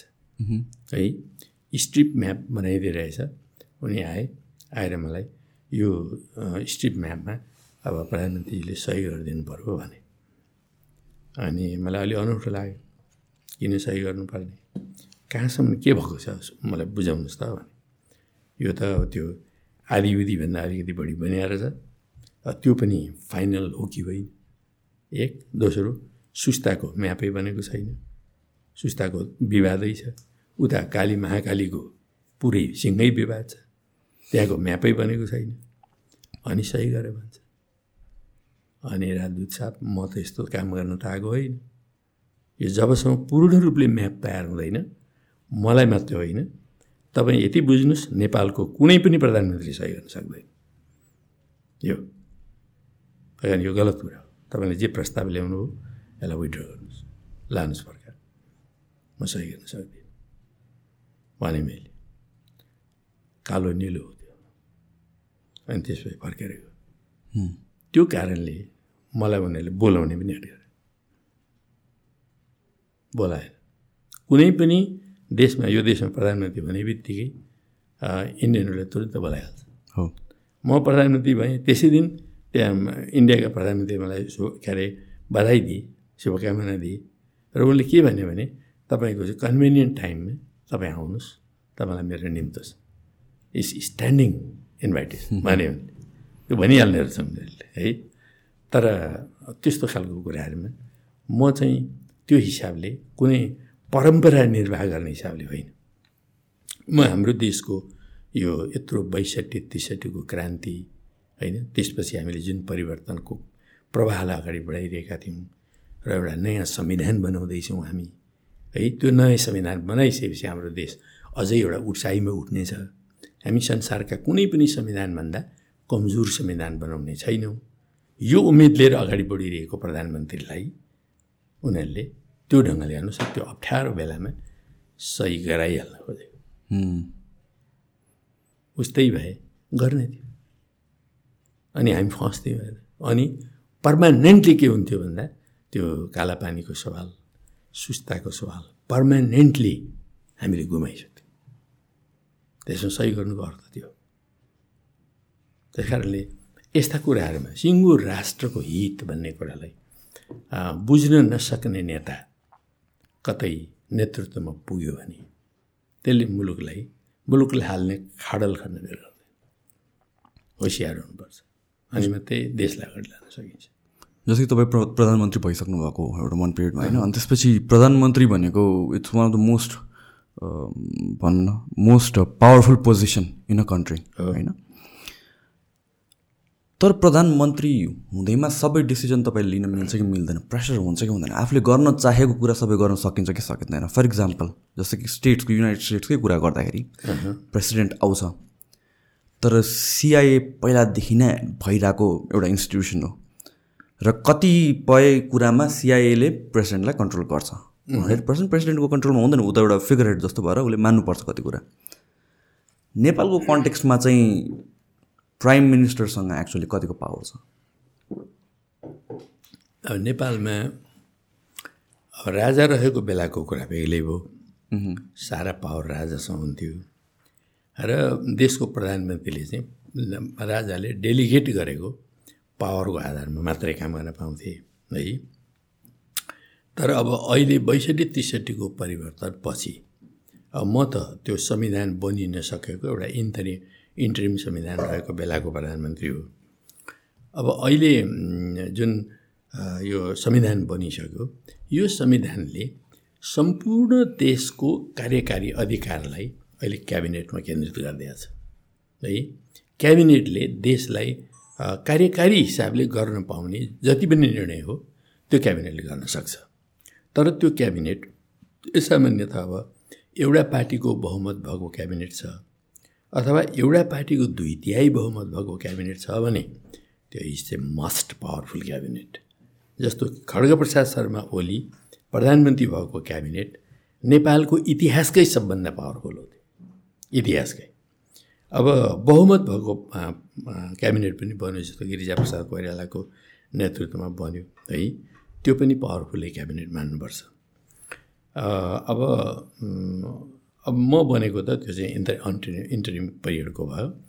तैपनि त्यति बेलाको प्रधानमन्त्रीमा नि पावर थुप्रै हुन्छ। पावर चाहिँ उसमा त्यो कार्यकारी हिसाबले त्यति बेलाको मन्त्रालय मन्त्रीहरू अब विभिन्न पार्टीकै आएको कोलिसन नै भए पनि प्रधानमन्त्रीले भनेपछि त्यहाँ लागु नहुने भन्ने चाहिँ कुरा हुँदैन है? यद्यपि उसले लजिकल कुरा गर्नुपर्छ। जबरजस्त खालको एकदमै अनौठो खालको होइन? देशको हित नहुने खालको कुरा ल्यायो भने त त्यसको सायद प्रतिवाद हुन्छ त्यहाँ पनि प्रतिवाद गर्न पाइन्छ है? तर चाहिँ नि सामान्यत प्रधानमन्त्रीमा पावर हुन्छ। अब अहिलेको यो संविधान बमोजिम त प्रधानमन्त्रीसँग प्रचुर पावर छ। थुप्रै पावर छ हेर्नुहोस्। उसले कार्यकारी हिसाबले जस्तो अब क्याबिनेट नभएको बेलामा उसले जे पनि गर्न सक्ने भयो क्याबिनेटमा जाँदाखेरि पनि ऊ झन्डै झन्डै अलिनल नै हो। है? यद्यपि त्यो कोलिसन गभर्मेन्ट छ भने कोलिसनका पार्टनरहरूले आफ्नो कुरा राख्न पाउनुपर्छ। राख्न पाउनुपर्छ कुनै कुरामा डिफर हो। डिफरेन्स राख्न पाउनुपर्छ। यो बिचमा यो कल्चर विकसित भइरहेको छैन। है? प्रधानमन्त्रीले जे भन्छ सबैले मान्नुपर्छ भन्ने खालको एउटा गलत अवधारणा चाहिँ अहिलेका मन्त्रीहरूमा पाइन्छ। है योभन्दा ठिक अगाडिको मन्त्रीहरूले अब पार्टीले अलग डिसिजन गरिरहेको छ तर त्यो अलग डिसिजन गरेको कुरो त्यहाँ राख्न सकेन। उनीहरूलाई के डर भयो भन्दाखेरि प्रधानमन्त्रीसँग फरक भयो भने मलाई चाहिँ निकालिदिनु भन्ने डर भयो। त्यो निस्कनु पर्दैन। कोलिसन गभर्मेन्ट छ भने आफ्नो भिन्न मत राख्न पाइन्छ। तर अब प्रधानमन्त्रीले जे भन्छन् लास्टमा त्यसलाई मानेर जानुपर्छ। तर आफ्नो भिन्न मत राख्न पाउनुपर्छ। कोलिसन त्यो। So there is no excuse एउटा प्राइम मिनिस्टरले केही गर्न सक्यो गर्न सकेन को पछाडि चाहिँ फुल रेस्पोन्सिबिलिटी उसकै हो। अँ उसले रेस्पोन्सिबल लिएर गर्नुपर्छ तर उसले फुल्ली संविधानप्रति अनि संसदप्रति अनि जनताप्रति यी तिनवटा कुराले जिम्मेवार भएर काम गर्नुपर्छ। संविधानको पर्खिला गर्न पाइँदैन। सदनको आवाजभन्दा बाहिर जान पाइँदैन जनताको हितभन्दा बाहिर जान पाइँदैन होइन? र एवं रीतिले राष्ट्रको हित पनि भन्नुहोस् राष्ट्रको हितभन्दा बाहिर बाहिर जान पाइँदैन। तर गल्ती त गर्छन् कहिलेकाहीँ अब एसपिपी नै भन्नुहोस् एमसिसी नै भन्नुहोस् अब जुन ढङ्गले चाहिँ ल्याउने खालको कुराहरू भए त्यसमा त निर्वाध रूपले ल्याउने खालको कुरा थियो हेर्नुहोस्। यत्रो प्रतिवाद हो जनताले विरोध गरे एसपिपीले त अहिले रोके नै। है। अफिसियली नै रोकेको छ र? हजुर। अफिसियली नै रोकिसकेर अब अफिसियल्ली नै रोकेको भन्नुपर्छ किनभने क्याबिनेटले डिसिजनै गर्यो होइन? क्याबिनेटले यो नल्याउने अब यस यसलाई चाहिँ हामीले पछि पनि नल्याउने भनेर निर्णय गरिसकेपछि यो अफिसियल्ली नै रोकेको हो। त्यसको केही डकुमेन्टेसन हुनुपर्छ कि? छ। त्यो त्यो निर्णय नै छ। त्यो निर्णय भनेको आफैमै डकुमेन्ट हो त्यो। ओके। है? र अब अर्को कुरा भनेको उसले चाहिँ अब अर्को निर्णय पनि के गर्यो भने यो बारेमा चाहिँ अब हामी लिन्नौँ भन्ने कुरा चाहिँ हामीले बकाइदा पत्र लेख्नुपर्छ। अमेरिकनहरूलाई परराष्ट्र मन्त्रालय मार्फत हामीले पत्र पठाउने भन्यो। तर यो कुरा अहिलेसम्म इम्प्लिमेन्टेसन मैले त्यही भन्नु खोजेको। हो। अहिलेसम्म त्यसलाई कार्यान्वयन गरिएको छैन र अविलम्ब कार्यान्वयन गर भने हामी गराउँदैछौँ अस्ति मैले संसदमा पनि भने कार्यकारी अधिकार कहाँ छ यो देशको? अहिलेको संविधानले कार्यकारी अधिकार भनेको त क्याबिनेटमा छ। त्यहाँभन्दा बाहिर त छैन अधिकार। क्याबिनेटले डिसिजनै गरिसक्यो? अब डिसिजन गरिसके अर्कोले लिङ्गर गर्ने अधिकार कहाँबाट छ? ढिला ढाला किन गर्नु पऱ्यो के अध्ययन गर्नु पऱ्यो अध्ययन त गरेरै निर्णय गरेको छ नि क्याबिनेटले। त्यही कारण त्यसलाई अविलम्ब कार्यान्वयन गर्नुको विकल्प केही पनि छैन। त्यही कारण कार्यान्वयन गरियोस् भने हामीले माग गरेका छौँ। अब प्रधानमन्त्रीले कहिले गराउनुहुन्छ? परराष्ट्र मन्त्रीलाई कहिले गराउनुहुन्छ? यो हामी हेर्दैछौँ। अब यसैलाई लिङ्गर गर्ने हिसाबले पनि अमेरिकाको दबाब आएको हुनसक्छ। है? डोनाल्ड लुको यो नेपाल भ्रमण कतै योसँग पनि जोडिएको छ कि भनेर अहिले मान्छेहरूले आशंका गरिरहेका छन्। त्यसो हुनाले हामी कुनै पनि शक्ति राष्ट्रहरूको दबाबबाट जान थाल्यौँ भने हामी हाम्रो देशको हित गर्न सक्दैनौँ। कुनै पनि प्रा प्रधानमन्त्रीले त्यो राष्ट्रको हित गर्न सक्दैन। त्यही कारण यी गम्भीर प्रश्नहरू यस्ता कुराहरूमा एकदमै दृढ भएर प्रधानमन्त्रीले देशको हितमा कारवाही गर्न सक्नुपर्छ दृढतापूर्वक यस्ता निर्णयहरूलाई कार्यान्वयन गर्न सक्नुपर्छ। अनि मात्रै देश सुरक्षित भएर जान सक्छ। त्यो। ओके। धनजी ठ्याक्क दुई घन्टा भयो हामीले दुई घन्टा कुरा गर्छौँ भनेको। धन्यवाद। आउनुभएकोमा धन्यवाद। यसो बिजी भएको टाइममा पनि होपफुली फ्युचरमा अरू पनि गर्न पाऊँ। यसो मिलाएर। हस् धन्यवाद ल। सुशान्तजी तपाईँले धेरै महत्त्वपूर्ण प्रश्नहरू आज गर्नुभयो मलाई है। किनभने आजको देशको समसामयिक स्थिति हाम्रो देशको राष्ट्रिय स्थिति अब खास गरिकन हाम्रो पार्टीमा विद्रोह किन भयो भन्ने प्रश्न है तपाईँको पहिलो प्रश्न त्यो थियो। यी धेरै महत्त्वपूर्ण प्रश्नहरू आजका पाठकहरूलाई पाठकहरूको बडो जिज्ञासाका प्रश्नहरू पनि हुन्। यस्ता प्रश्नहरू गर्नुभएकोमा धेरै धेरै धन्यवाद। तपाईँको पोडकास्टले नेपाली युवाहरूलाई शिक्षित गर्ने काममा महत्त्वपूर्ण भूमिका निर्वाह गरोस्। Merci beaucoup, Camus. Asta ne vedem. Thank you so much. Thank you.